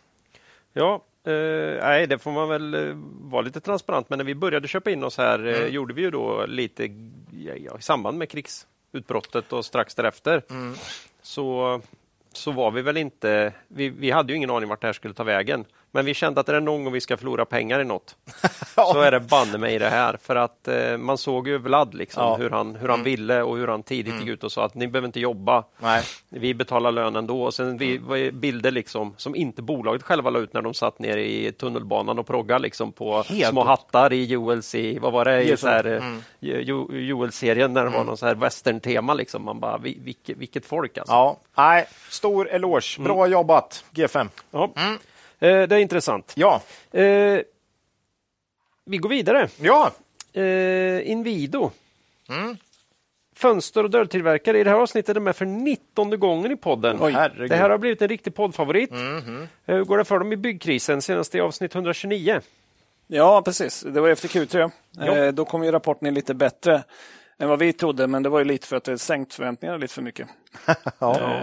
Så kan det vara. Så kan det vara. 101 kronor stod de i då och vi sa att de var lågt värderade, men det var svårt att spå utvecklingen för 2023. Då kan man fundera, så har det här klarnat nu efter Q4-rapporten? då? Ja, säger vi. Den, är, den är ju bra alltså. Ja. Men igen då så överraskar man positivt för kvartalet. Vi hade varit lite för negativa på kort sikt. Ehm, även marknaden gillar rapporten. Upp 9% och det var ännu mer initialt. Då. Lite samma som Bergman och BMW faktiskt. ja. Eh, omsättningen i Q4 20% upp till 2,6 miljarder. Eh, det var organisk tillväxt 10 eh, Då fick man på konfkåret frågan hur mycket som var pris då, och sa att det var drygt 10 Så volym ungefär oförändrat. Då. Eh, omsättningen var 9% bättre än vad vi trodde och 11% bättre än vad Pinpoint hade gissat på. Eh, eller estimaten på Pinpoint. Eh, Här sa man från bolaget eh, stark försäljning på konsumentsidan eh, då höga energipriser ökat kundernas intresse för energieffektiva fönster och dörrar. Eh, Man säger själva att man har sett en tydliga, dock en eh, svagare efterfrågan från industrisegmentet. Eh, Här är ju lite tvärtom. Från många andra bolag har sagt att inom industrin har det löpt på men inom konsument har det varit problem. Liksom. Kan ha att göra med det här med Ja, energieffektiviserings... rimligtvis är det, men Inwido har ju 75 av försäljningen till konsument, vilket innebär att styrka där slår över mot eh, svaghet inom industri. Då, så att säga. Det är inte alla bolag som har den fördelningen. Så att säga. Ehm, Men lite förvånande. Och, men förmodligen är konsumenter får göra nya prioriteringar då, ehm, på vad man ska konsumera. Och, ja, Det verkar ju som att man prioriterar att försöka sänka sin energiförsörjning eller förbrukning. Då. Kan vara en del av det. Kan vara en del. Eh, Vi, vi får följa, fortsätta att följa, men, men eh, det här kvartalet såg det i alla fall ut så. Ja. Eh, nu har det varit väldigt mycket fokus också på energipriser så att man vet ju inte om det blir liksom andra tider så kanske det inte blir riktigt lika hett. Elpriserna har ju droppat ganska rejält Ja, efter det. årsskiftet. Här. Folk är inte riktigt lika rädda Nej. längre. Nej, Och, och när de pratar om sin industri, den industridelen som går dåligt, det är ju liksom bygg. Ja, Det är Industri, alltså industrialiserad bygg. Och vi, vi Nobia vinstvarnar här. Eh, eh, vad heter våra danska vänner? Eh, är det tufft att tillverka kök till exempel? TCM.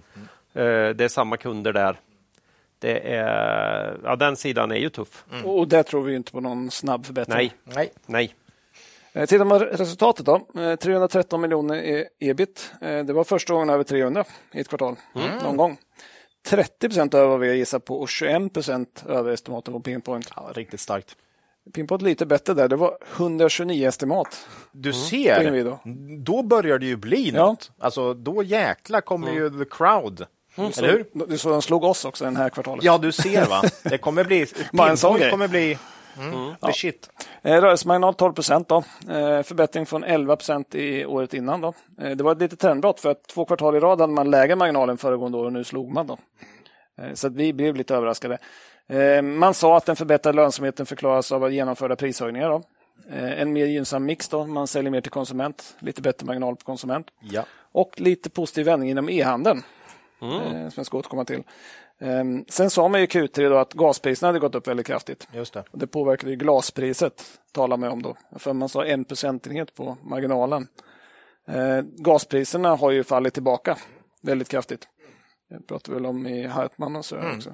Eh, s- så det finns möjligt nu att man hamnar i en positiv situation där inputpriserna börjar sjunka. Man har höjt priserna och kanske kan liksom Man förbättra marginalen lite. Sänker inte så snabbt. Nej, Nej. typ så. Så att vi får se lite grann hur, på Comfort sa man att man i, i princip är kapp med prishöjningarna för inputpriserna. Då. Så länge liksom inte de drar iväg igen då. Det kan man inte veta såklart. Eh, vi får se. Men kollar man enskilda affärsområden då, så var största positiva överraskningen e-handeln. Eh, den har ju varit väldigt svag under 2022 innan. Eh, men nu verkar man ha fått lite ordning på det här. Då. I Q4 omsättning 13 upp, rörelsemarginal 8,6. Det var lite ner från 9,6 förra året, då, men det var en klar förbättring mot tidigare under året. På totalen på hela året så hade man 5,2 mot 16,1. Så det är väldigt dåligt mot förra året. Då. Ja. Men det är har vi ju sett i andra bolag också. E-handel har ju varit Ja, problematiskt. verkligen. Eh, det här affärsområdet har ju all sin försäljning till konsument och ingenting till industri. Eh, och det går ju i linje med vad de sa om konsumentförsäljningen. Då. Eh, vi får se om man har löst problemen, och, men man kommer att lätta komp i det här området under nästa år. Ja. Eller under det här året. Jag, jag kan fortfarande... Nej, 22, det är- 23. eh, Det bygger på att vi läser kvartalsrapport här för Ja, just det. 2022. Det är därför man blir... Vi skyller på det. man sky- ja. Vi skyller på det. Men Det i är för Q1 att- kan vi inte. Nej, då går det inte. Det skulle också kunna vara för att vi är lite dumma i huvudet. Det kan vara så. Nej, det är, det är ju orimligt svårt. Jag vet inte hur många papper jag har skrivit eh, 2022 på så här långt när man ska sätta ett datum. Nej, det är för det svårt, börjar ju, alltså. det börjar ju ja, det är. Nej, hålla Särskilt om man ska hålla på med förra året och år och så. här. Nej, brukar ja. rätta till sig fram till semester någonstans. Då, Jag tänkte du skulle säga fram, framåt jul. ja, då, och då, vad händer då? Okej. Ja, nej, jag håller med Ola, efter Q1 måste vi sluta med. Ja. Eh, Men det var som mest negativt då, i, i rapporten var ju de framåtblickande parametrarna. Orderingång eh, plus 2 i Q3, eh, men eh, eh, Q3, jag skrev Q4 måste det vara. Ja. Justerat för förvärv minus 5 då. Orderstock 1,6 miljarder minus 15 minus 20 justerat för förvärv. Okej, så man har betat av en hel del på den här orderstocken. Och, Ja, och då ska man veta att det är en priskomponent det här också. ja. ja, det är rejält. Så det är ju mer ner. Och här är ju lite... Ja, men marknaden brukar ju vara extremt fokuserad på framåtblickande Mm, nej, parametrar. in, inte på rapportdagen här inte. Det var inte det. Nej. Och det var vi väldigt förvånade över. Ja, För, för, för vi har ju sett hur många rapporter genom åren som helst med jättefina siffror. Och så säger man någonting om eh, nästa Ja. kvartal och så handlar börsen ner. Eh, sen har ju aktien fallit tillbaka lite grann sen rapporten. Det kan ju ha med det att göra kanske. ja kanske. Eh, sen sa man under konfkåret flera gånger, fyra, fem gånger tror jag, att man såg ett mer normaliserat säsongsmönster eh, framåt. Då. Och det gäller särskilt Skandinavien där man sa att man hade haft den mest positiva pandemieffekten. Och det här är lite anledning till försiktighet för Q1, tycker vi. Då. För att under 2021 och 2022 så var det ju väldigt mycket starkare än snittet. Snittmarginal mellan 15 och 2015 2022 har varit 3,9. Under 21 var det 7,1, under 22 8,3. Ja. Så om det nu är en återgång till normala säsongsmönster så då, Då ska vinsten ner rejält i Q1. i Q1. Ja, Eh, och, och då det kommer är man väl lite till, det vi tror på. det är det vi tror. Så då kommer vi till frågan hur vi ser på det här då. På rullande 12 eh, har man en vinst på aktie på hela 13,74 med kurs 20, 120 då, som det är nu, P 8,7. Det är inte högt. Nej, det är inte högt. Eh, men, men problemet är att det blir inte lätt att gissa 2023 efter den här rapporten. Nej. När man säger så här om säsongsvariationer och så där tycker vi. Eh, ja, vi gör en gissning på 12 kronor, men den är väldigt osäker. Eh, då vi P10.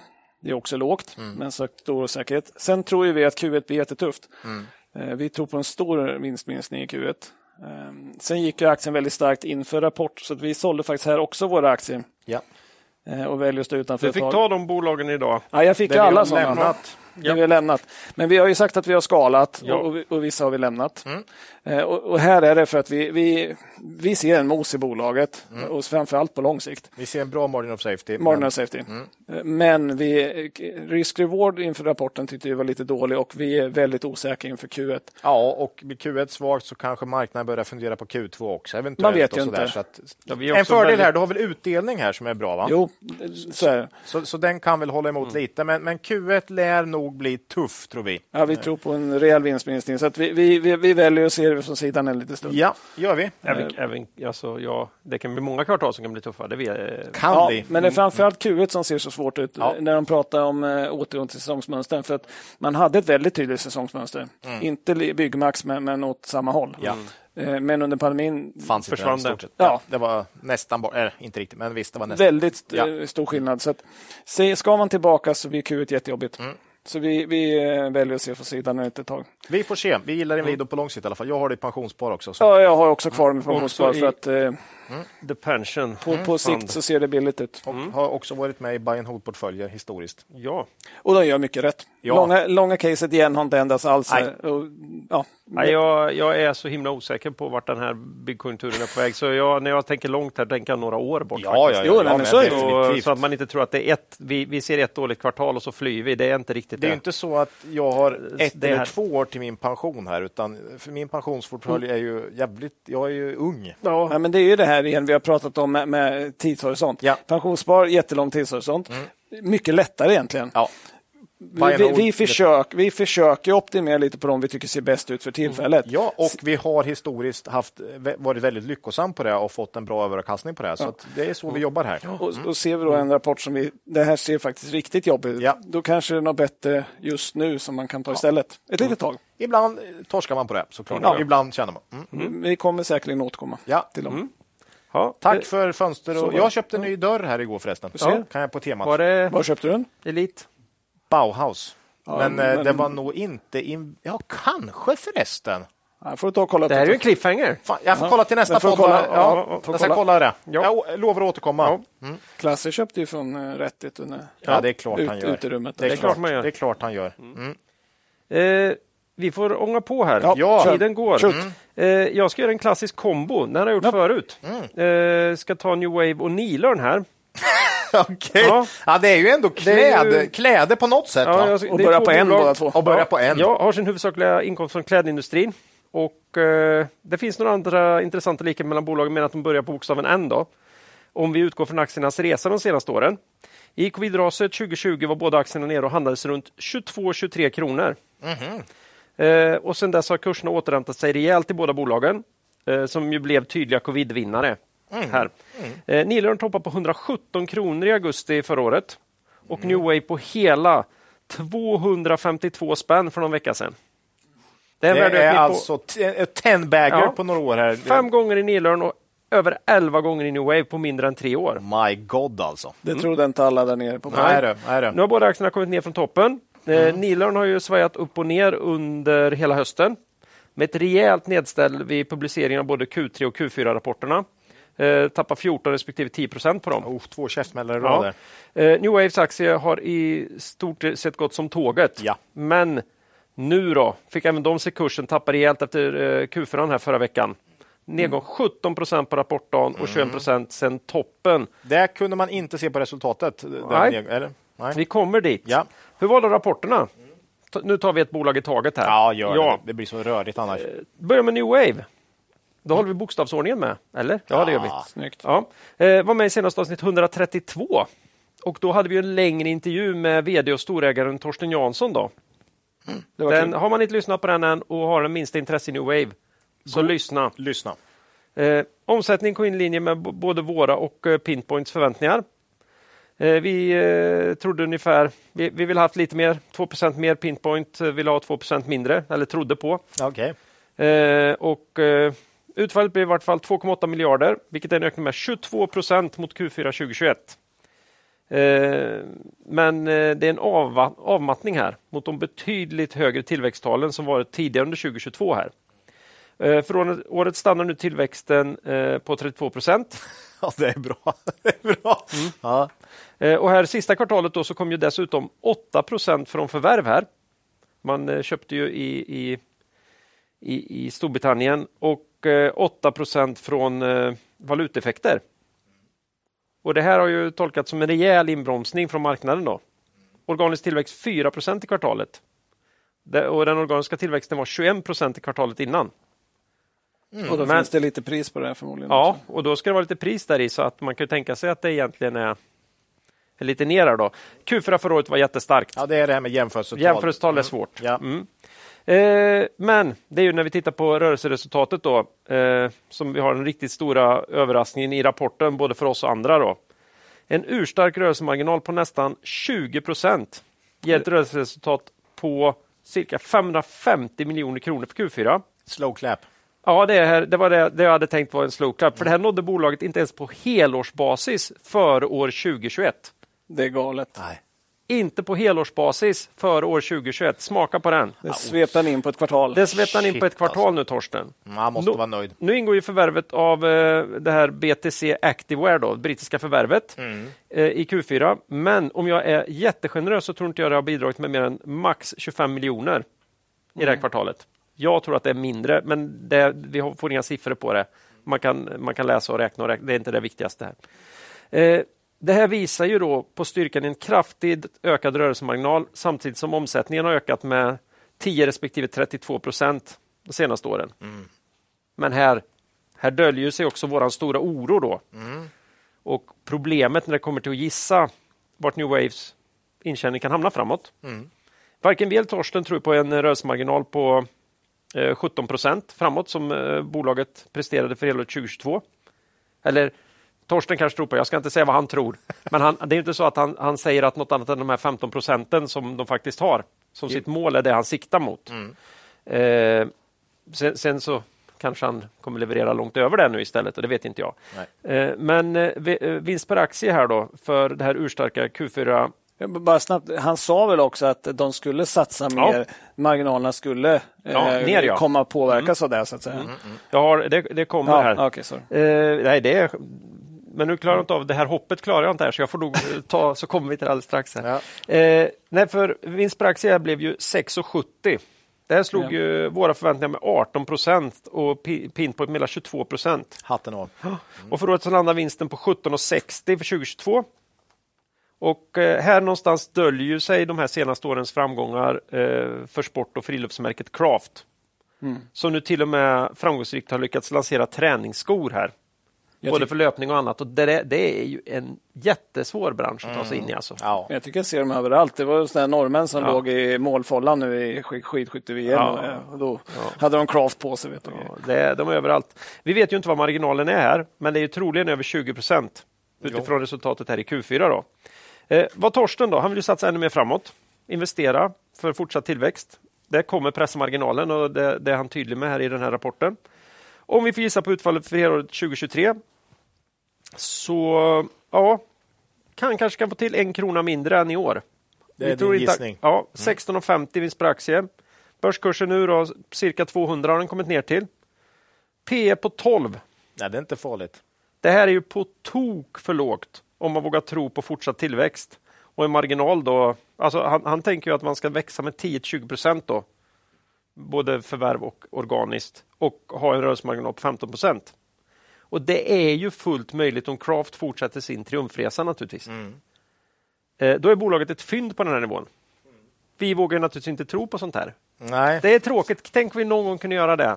Ja, eh, Ja, inte än i alla fall. Nej, inte än. Vi, vi behöver lite mer, för det har, det har gått Ja. så fort det här. Ja, det här så- går för fort för oss. Vi tittar ju på historiken och vi... Eh, ja, Det här hoppet var ju så väldigt stort och väldigt snabbt. ja. Det blir lite svårt. Och jag tror att det kanske kan bli eh, lite små, småkärvt här i, i, i Q1 också. Ja. Då kanske vi kan få tillräckligt med mos.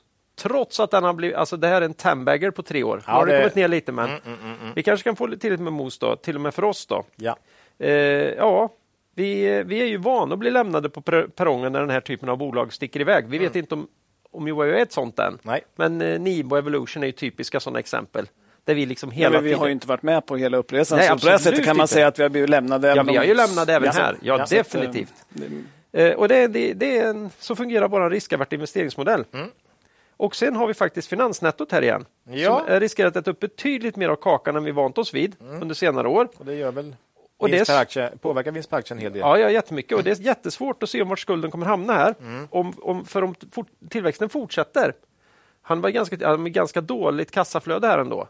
För att när Torsten växer så här, då, kostar det? då måste han bygga upp sitt lager. Ja. För det är det han lever på. Att han måste ha sitt stora lager. Och då måste lagret bli ännu större. Mm. Och han ligger ute med massa ja, eh, Kundfordringar. kundfordringar. Ja. Men nu var han nöjd med laget då, eller? Ja. Stod inte det att han Ja. hade äntligen uppnått en Ja, men det gjorde han ju okej senast. lagernivå? Men han är ju jättetydlig med att ska tillväxten fortsätta, Jo, nej, men då, då kommer han behöva ännu mer lager. Va? Så- Va, hur var Komfgård? Var det fortfarande att, få, att analytikerna trycker på den usla balansräkningen och det alldeles för stora lagret? Eller har de, har de släppt det nu? Det är liksom, det, Nej, det- det- all, alla har bow to Torsten. Ja.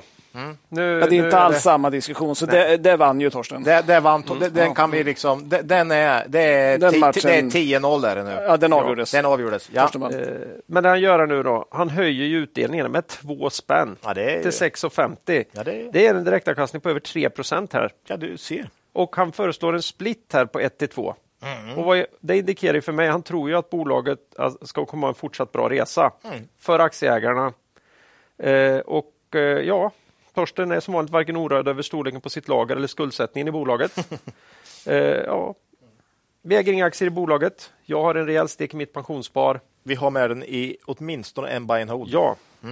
Eh, så här har vi väl en, eh, någon som ja, kan vara riktigt intressant framåt, men vi, vi, vi vet inte. Det här är väl det enda bolaget som fortsatt leverera eh, marginalökningar här efter.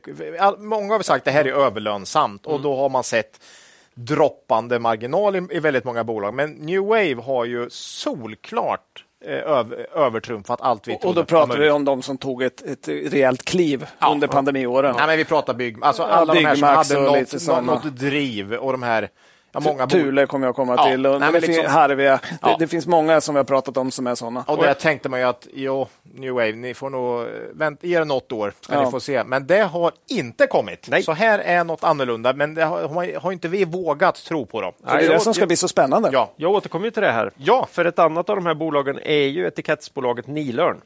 Som Bor ser- Borås va? Ja, för det var senast med avsnitt 116. Och eh, det var efter deras Q1 och då körde vi dem också ihop med New Wave. Och vi konstaterar precis det du pratade om här Ola, att eh, båda de här såg rejält coronadopade ut. Och vi trodde inte för en sekund på att Nilörn skulle kunna hå- hålla uppe den historiken eh, utifrån att det är en orimligt hög rörelsemarginal Ja. eh, utifrån historiken. Då, ja. Och eh, tillväxten var förbluffande bra. Ja, vi, sa- vi sa starkt. till och med, jag tror det var Marcus som klev och sa att kanske kan, de kanske kan hålla ut Q2, möjligen Q3, men inte längre. Vad blev det? Eh, och vi, nej, ännu bättre, vi konstaterar också faktiskt att de, även om Nilörn och New Wave såg likadana ut ur ett coronadopningsperspektiv här i början på 2022 så såg vi redan då tydliga indikationer på att det som hände i New Wave var något annat. Och vi vågade inte vara lika negativa för där såg vi att det måste vara något annat som gör att de kan behålla den här rörelsemarginalen. Cred Claes till dig Ja, alltså. det var, det var vi. Eh, nog med eget ryggdunk här nu då. ja. Det, det, Ja, det, luk, vi- det luktar inte gott Ja, alltså. för, för, ja, för vi köpte ju inget. Så att, Nej, nej, nej, nej, men vi hade ändå så det är ingen ryggdunk på Nej. Nej, nej, nej, Ja. Boo! Boo. Boo. Okej. Tänk om vi skulle agera på det här. Shoot. Eh, det som hände sen under eh, Q3, Q4. ja, eh, Q, Q2 och Q3, det var det kom in ännu starkare med bibehållen rörelsemarginal och eh, eh, tillväxt här. Man hade alltså en omsättningsökning på hela 54 procent i Q2. Åh, herregud. Ja. Men sen tog det stopp i Q3 då. Då var förvisso rörelsemarginalen kvar. 16 procent det är högt. Ska kanske vara 12 i Nilörn eller något när det går bra. Men kursen Men droppade rejält. tillväxten tak, taktade ner till 14 procent. Ja. Så då, då dog eh, caset lite i marknaden här. Eh, och det måste ju vara mindre dessutom än de prishöjningarna som bolaget hade fått igenom i det, i det skedet så att säga. Va? Sen kom ju den här rapporten för Q4 häromdagen. Ingen munter läsning. Nej. Eh, nu presenterar bolaget en minskad omsättning med 15 procent, organiskt hela 24 procent. Och eh, berättar även att orderingången då under Q4 sjunkit med 18 procent mot året innan. Rörelsemarginalen, ni kommer ihåg att jag sa att man var en bit över 16, man var uppe på 17-18 ibland här under de här Otroligt. bästa kvartalen. Nu är man nere på 7,2 procent. Ja, mer rimligt. Vilket är svagt till och med ur ett historiskt, ja, det är svagt ur Det ett historiskt perspektiv. Ja. Ja. Mm. Men här tycker jag att vd ska ha sig en knäpp på näsan för urdålig kommunikation. Eh, runt de bonusar de betalt ut i kvartalet till ledning och sälj. Mhm. Det har gått, helåret har ju gått bra här. Verkligen. Men, men man har missat att boka upp i tillräcklig storlek innan. Eh, men Q4 är ju ursvagt jämförelsevis med resten av året. Så, det kan ju inte ha drivit upp ytterligare bonusar här direkt. Nej, okej. Är ni med? Men de Men påverkar menar- resultatet nu? Men menar man att man hade upparbetat men man tog det inte i de andra kvartalen och så tar man alltid Q4? Eller det vet vi inte. Det, jag skiter lite grann i det. Han kunde berätta att hur mycket är det här? Ja, ja, ja. Vad är det? Ja, det skulle han ha sagt också Ja. såklart.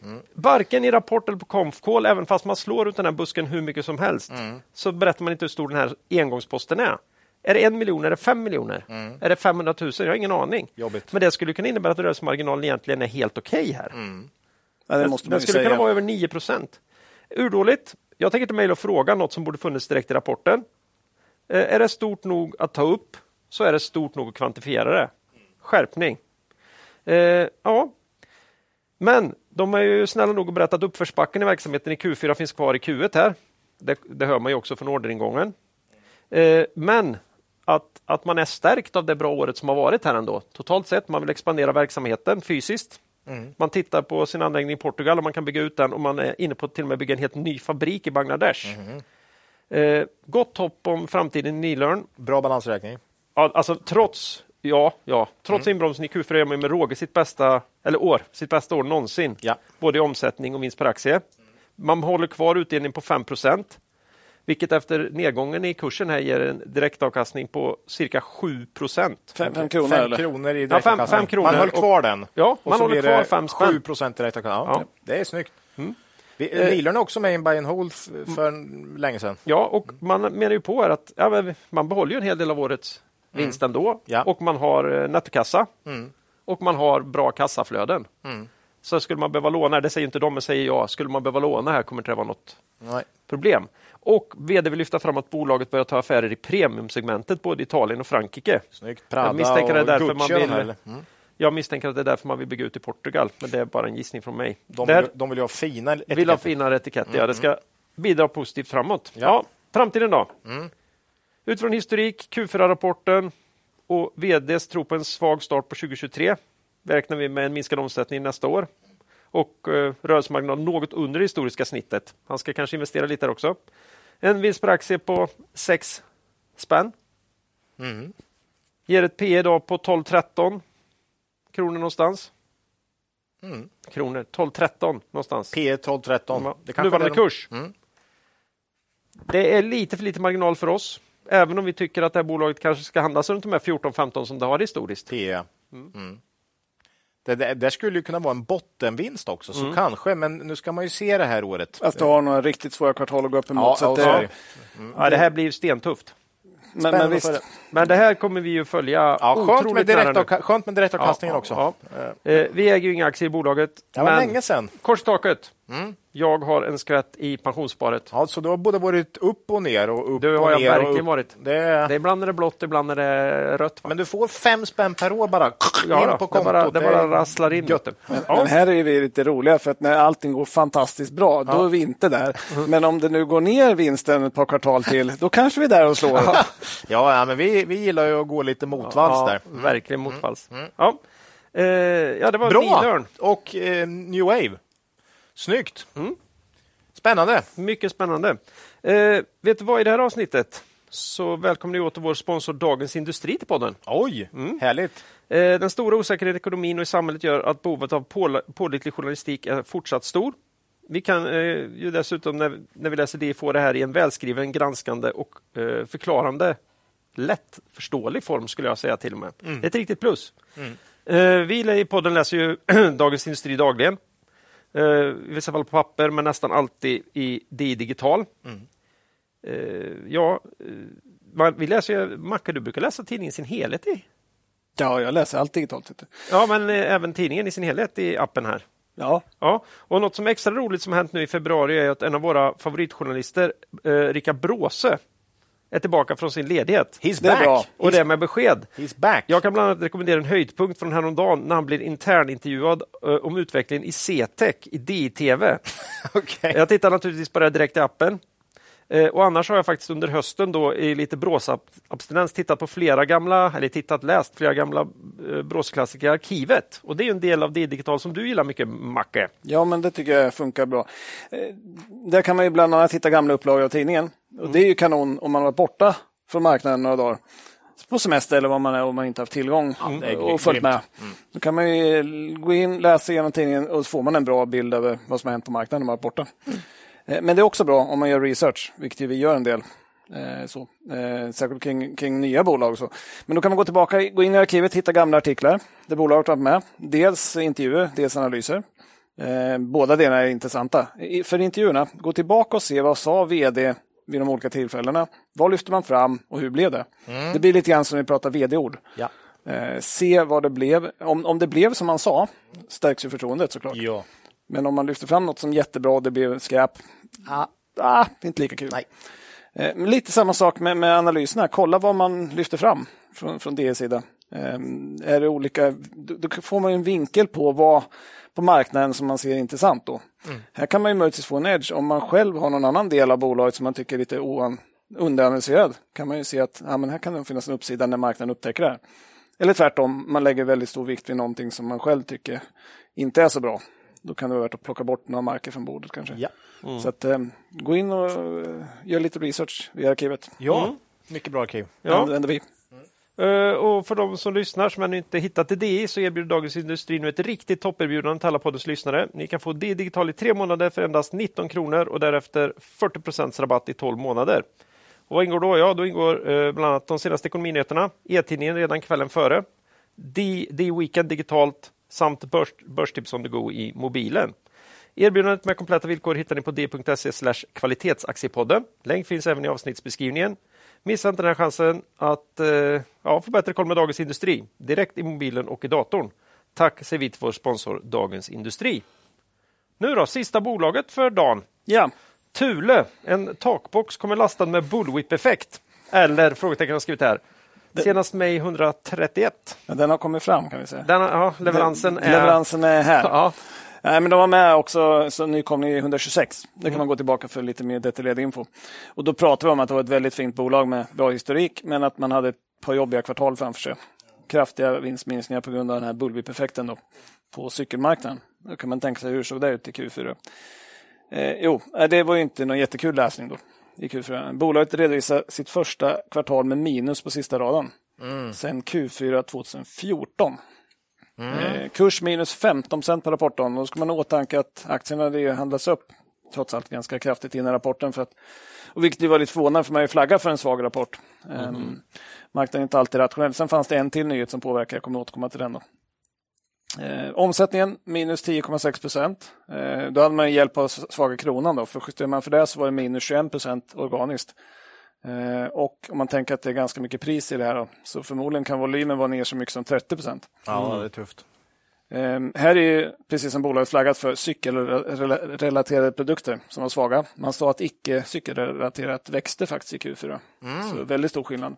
Cykel har verkligen drabbats alltså. Och så ska man ju då, vi har sagt cy cykla massa gånger, men man har inga cyklar själva. Men man har ju cykelställ till bil, eh, cykelvagnar, sådana som man drar efter, eh, barncykelstolar och så vidare.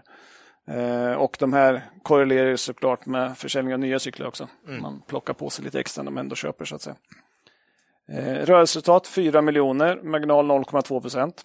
Det är ju kraftigt ner från 10,3 förra året och 2021 hade man 15 procent i Q4. Det var väldigt, väldigt bra. Eh, sen är ju här, som vi har sagt, positivt påverkat av pandemin. Eh, tittar man snittet i Q4 så är det 5,5 då. Så lite grann som vi var inne på Inwido där, man, man fick under pandemin inte samma säsongssvängningar som vi hade tidigare. nej.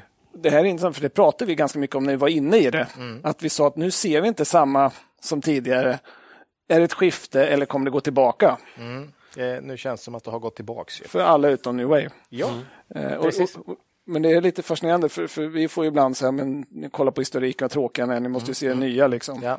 Men jag tycker må- många gånger så blir det faktiskt som det alltid varit. Ja, det är ju så. Ett bolag är normalt som det har varit. Och Eh, säsongsfönstret förändras- kommer tillbaka. Liksom, förändras och, inte så snabbt, utan då ska man ju köpa ett bolag som förändrar verksamheten i grunden egentligen. Och, ja, och det är därför vi är så försiktiga när lönsamhet till exempel är mycket högre än normalt och så ja, vidare. ja. Är det uthålligt brukar vi säga. Ja. Så, Eh, Men i alla fall då. eh, Man, eh, eh, ma- Eh, man hade på sista raden en förlust på 0,15 kronor per aktie. Då. Eh, och att, det, att den här försäljningstappet slår så hårt på resultatet är för att man har sina högsta marginaler just på de här produkterna inom cykel. Då. Eh, Vilket även förklarar varför man fick så jättebra marginaler under pandemin då, när, när det gick bra för man cykel. vinstvarnar inte. Jo, nu vinstvarning inför Q3. Jag är för Q3, så var det. Och då sa man ju även att det här skulle pågå i Okej. Q4 och Q1. Så jag, jag tycker inte man behövde vinstvarna, att det var Nej. inte så Nej. farligt ändå ifrån vad man borde ha förväntat sig. För att siffrorna låg någorlunda nära vad analytikerna hade gissat på faktiskt. Eh, och eh, kursreaktionen är förmodligen på grund av nyhet nummer två. Då. Just det. Ja, för man informerar om att man kommer byta VD. Magnus Welander har varit VD i 13 år, kommer lämna. In kommer då Mattias Ankarberg, VD på Byggmax. Ett Istället. bolag inte helt okänt för lyssnarna i den här podden. Nej, det borde inte vara. Nej. De har inte hört så många avsnitt i alla fall.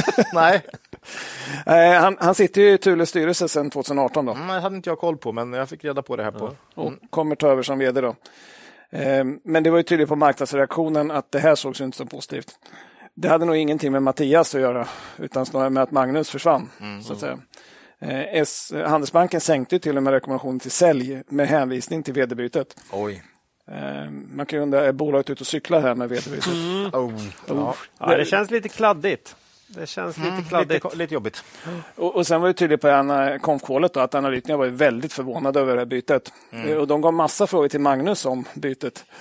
Det är lite speciellt då när vd ska sitta och för, försöka förklara på varför han inte får vara kvar Ja, i den är ju bolaget. konstig. Det är ju styrelsen man bör då Ja. fråga. Men de eh, hade väl ingen i styrelsen att fråga, så frågade de vd. Jag tyckte han svarade väldigt bra. Jag tycker för övrigt han har gjort det jättebra och verkar riktigt duktig. Så jag är också väldigt förvånad. Ja.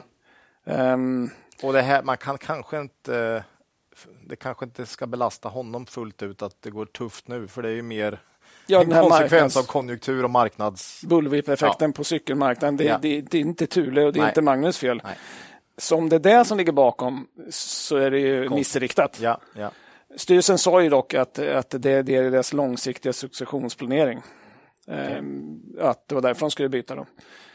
Sen vi, vi, vi tycker att Ankarberg har gjort ett jättebra jobb på Byggmax. Det har vi ju sagt många gånger. Ja. Så han kan säkert göra ett bra jobb för Thule också. Men man vet ju inte.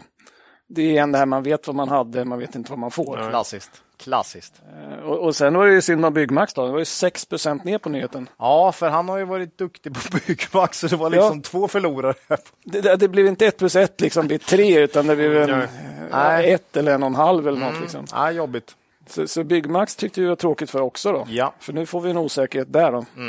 Eh, framåt, tills vi vet vem som kommer fram, framförallt. Liksom. Så att det, det var ett konstigt vederbyte tycker vi. Ehm, ja, balansräkningen brukar vi alltid ta upp lite grann. Thule steg eh, nettoskuld till ebitda till 1,5 då.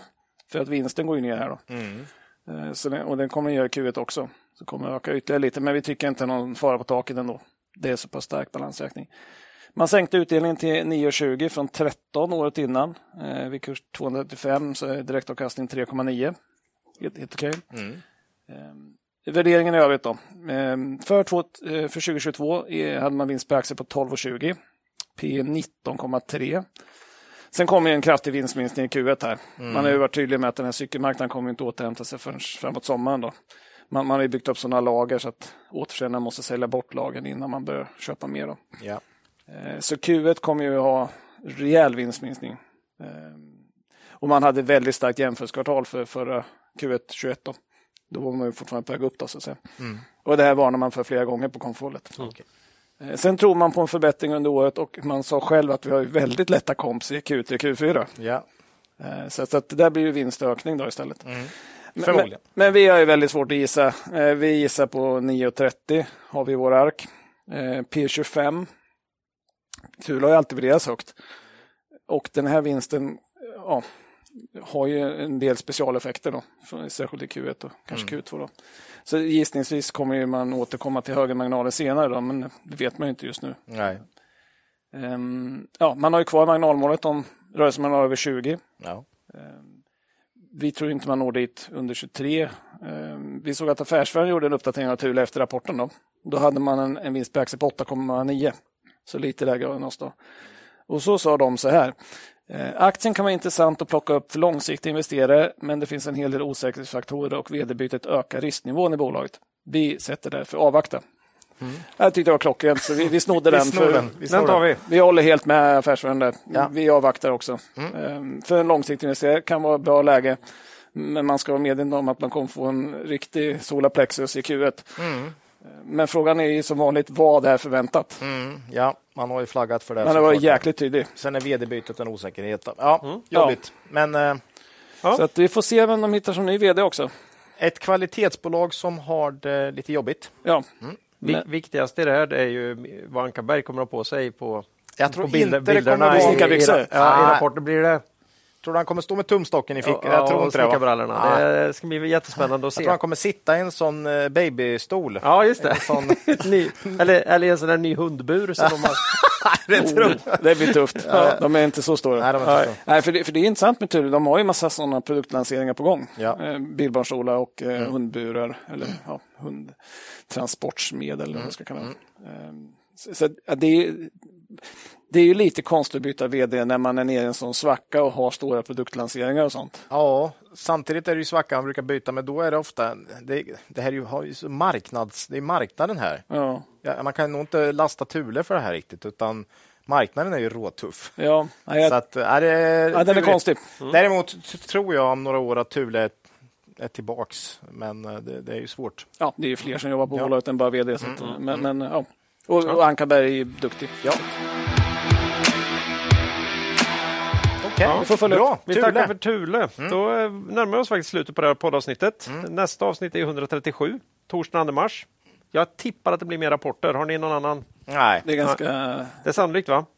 Man kan mejla oss på kontaktet kvalitetsaktiepodden.se eller kommentera på Twitter eller på vår hemsida kvalitetsaktiepodden.se. Jaha, har vi något i slutet? En riktig makro eller TA värt att ta upp idag? Nej, in- inte Theo, men jag har ju en liten grej här. Du har en liten grej. Ja. Har en liten grej. Shoot, shoot. Nej, eh, Vi tog ju under Aktuellt i avsnitt 134 upp CTEC. Eh, Det är inte ett bolag som vi brukar följa, men, men eh, så, vi sa att det var oroväckande för aktieägarna att vd fick sparken. Vi var inte så sugna och att det fanns en risk för emission. Ja. 8 februari så kom då emissionen. Aha. 350 miljoner ska de ta in. Sänkte målet för justerad ebitda från 25 till 20. Eh, bolaget har gått uselt på börsen, ner 77 procent på ett år. Eh, men jag såg på Börssnack att de hade en liten kul eh, tråd om vad man skulle kalla bolaget istället. Då. Så den jag tänkte jag skulle ta. Eh, Svår att få in någon annanstans än under Ja. det här lilla skojsegmentet. Ja, Okej, men då, då tänkte jag kolla, det finns tre olika förslag här. Då. Förslag ett då, istället för CTEC, OTEC med E. Ja, Okej. Mm, ja, Alltså det är den inte så ro- med hög teknologi, Nej. OTEC, för att man har liksom inte lyck- de, man Ja. har inte sålt så Nej, mycket det, är av de här. det, eh, det är ju lite fyndigt på två sätt. ja. Den, den, ja, Den, den gillar jag mycket. det, måste det är bra. Mm. start. En bra Ja. start. Tvåan är lite mer krystad då. Istället för CTEC, stekt med C. För aktieägarna har blivit stekta. Nej, Ja, det är den- den är jävla lite- dåligt. Ja, den är ju svår. Ja. Den blir bättre när du berättar, berättar det, men i, i skriften är den svår. Nej, också, den är, jag måste säga att jag ändå tycker den är rolig, men Ja, den är inte ja. riktigt... Den är inte riktigt... Nej. Ja, det är stekt. Ja. Stekt. Och, och trean då, istället för CTEC, OTEC med Ä. Ja. Mm. Ja. Ja, ja, lite som biotech. Liksom. Ja. Men då, ty då tycker jag nog den första rakt Ja, det får jag nog Otäck säga. Med, och det är väldigt lätt att göra om loggan. Det är bara lite att fylla i Ja. och sen, har, sen är den ju klar. Och så lite jobbigt då. Så Ja. att, eh, vi får se. Vad, ja, vi, vi går på OTEC då, med E. Jag, jag tänkte på segtech. Segtech. Oh, det är bra. Fjärde alternativ här. Det är bra. Men eh, särskilt seg är ju inte aktiekursen i och för sig. Ja, den svänger. Den svänger. Ja. Så att vi, vi får se vad vi känner att vi vill kalla dem, om de kommer med i fortsättningen. Spännande. Men det var lite kul tyckte jag. Ja, Ja. Eh, mycket, mycket bra. Eh, eget ägande då? Ja, vi pratade om Betsson. Vi pratade om G5. Vi pratade om Creades SPAC. Vi pratade om Bure SPAC och vi pratade lite Scanfi nämnde vi va? Det var nog det, va? Tror jag. Pensionsspar hade vi väldigt men det- mycket. det tog vi det tog vi efterhand. efterhand va? Det tog vi efterhand. Eh, ja, då vill vi ju bara här i slutet påminna lyssnar om fina möjligheter finns att månadsspara i Cavaliers fonder. Det kan man göra enkelt både på Nordnet och Avanza och då även i sitt pensionsspar om man har det där. Eh, kom ihåg att historisk avkastning i fonder inte behöver vara en indikator på framtida avkastning och att ni kan förlora delar av ert satsade kapital och fonder både kan gå upp och ner i värde. Ja, med det vill vi som vanligt tacka alla lyssnare för visat intresse och ber dem komma ihåg att Det är först när tidvattnet drar sig tillbaka som du får se vem som badat naken. Lose money for the firm and I will be understanding. Lose a shred of reputation for the firm and I will be ruthless. I welcome your questions.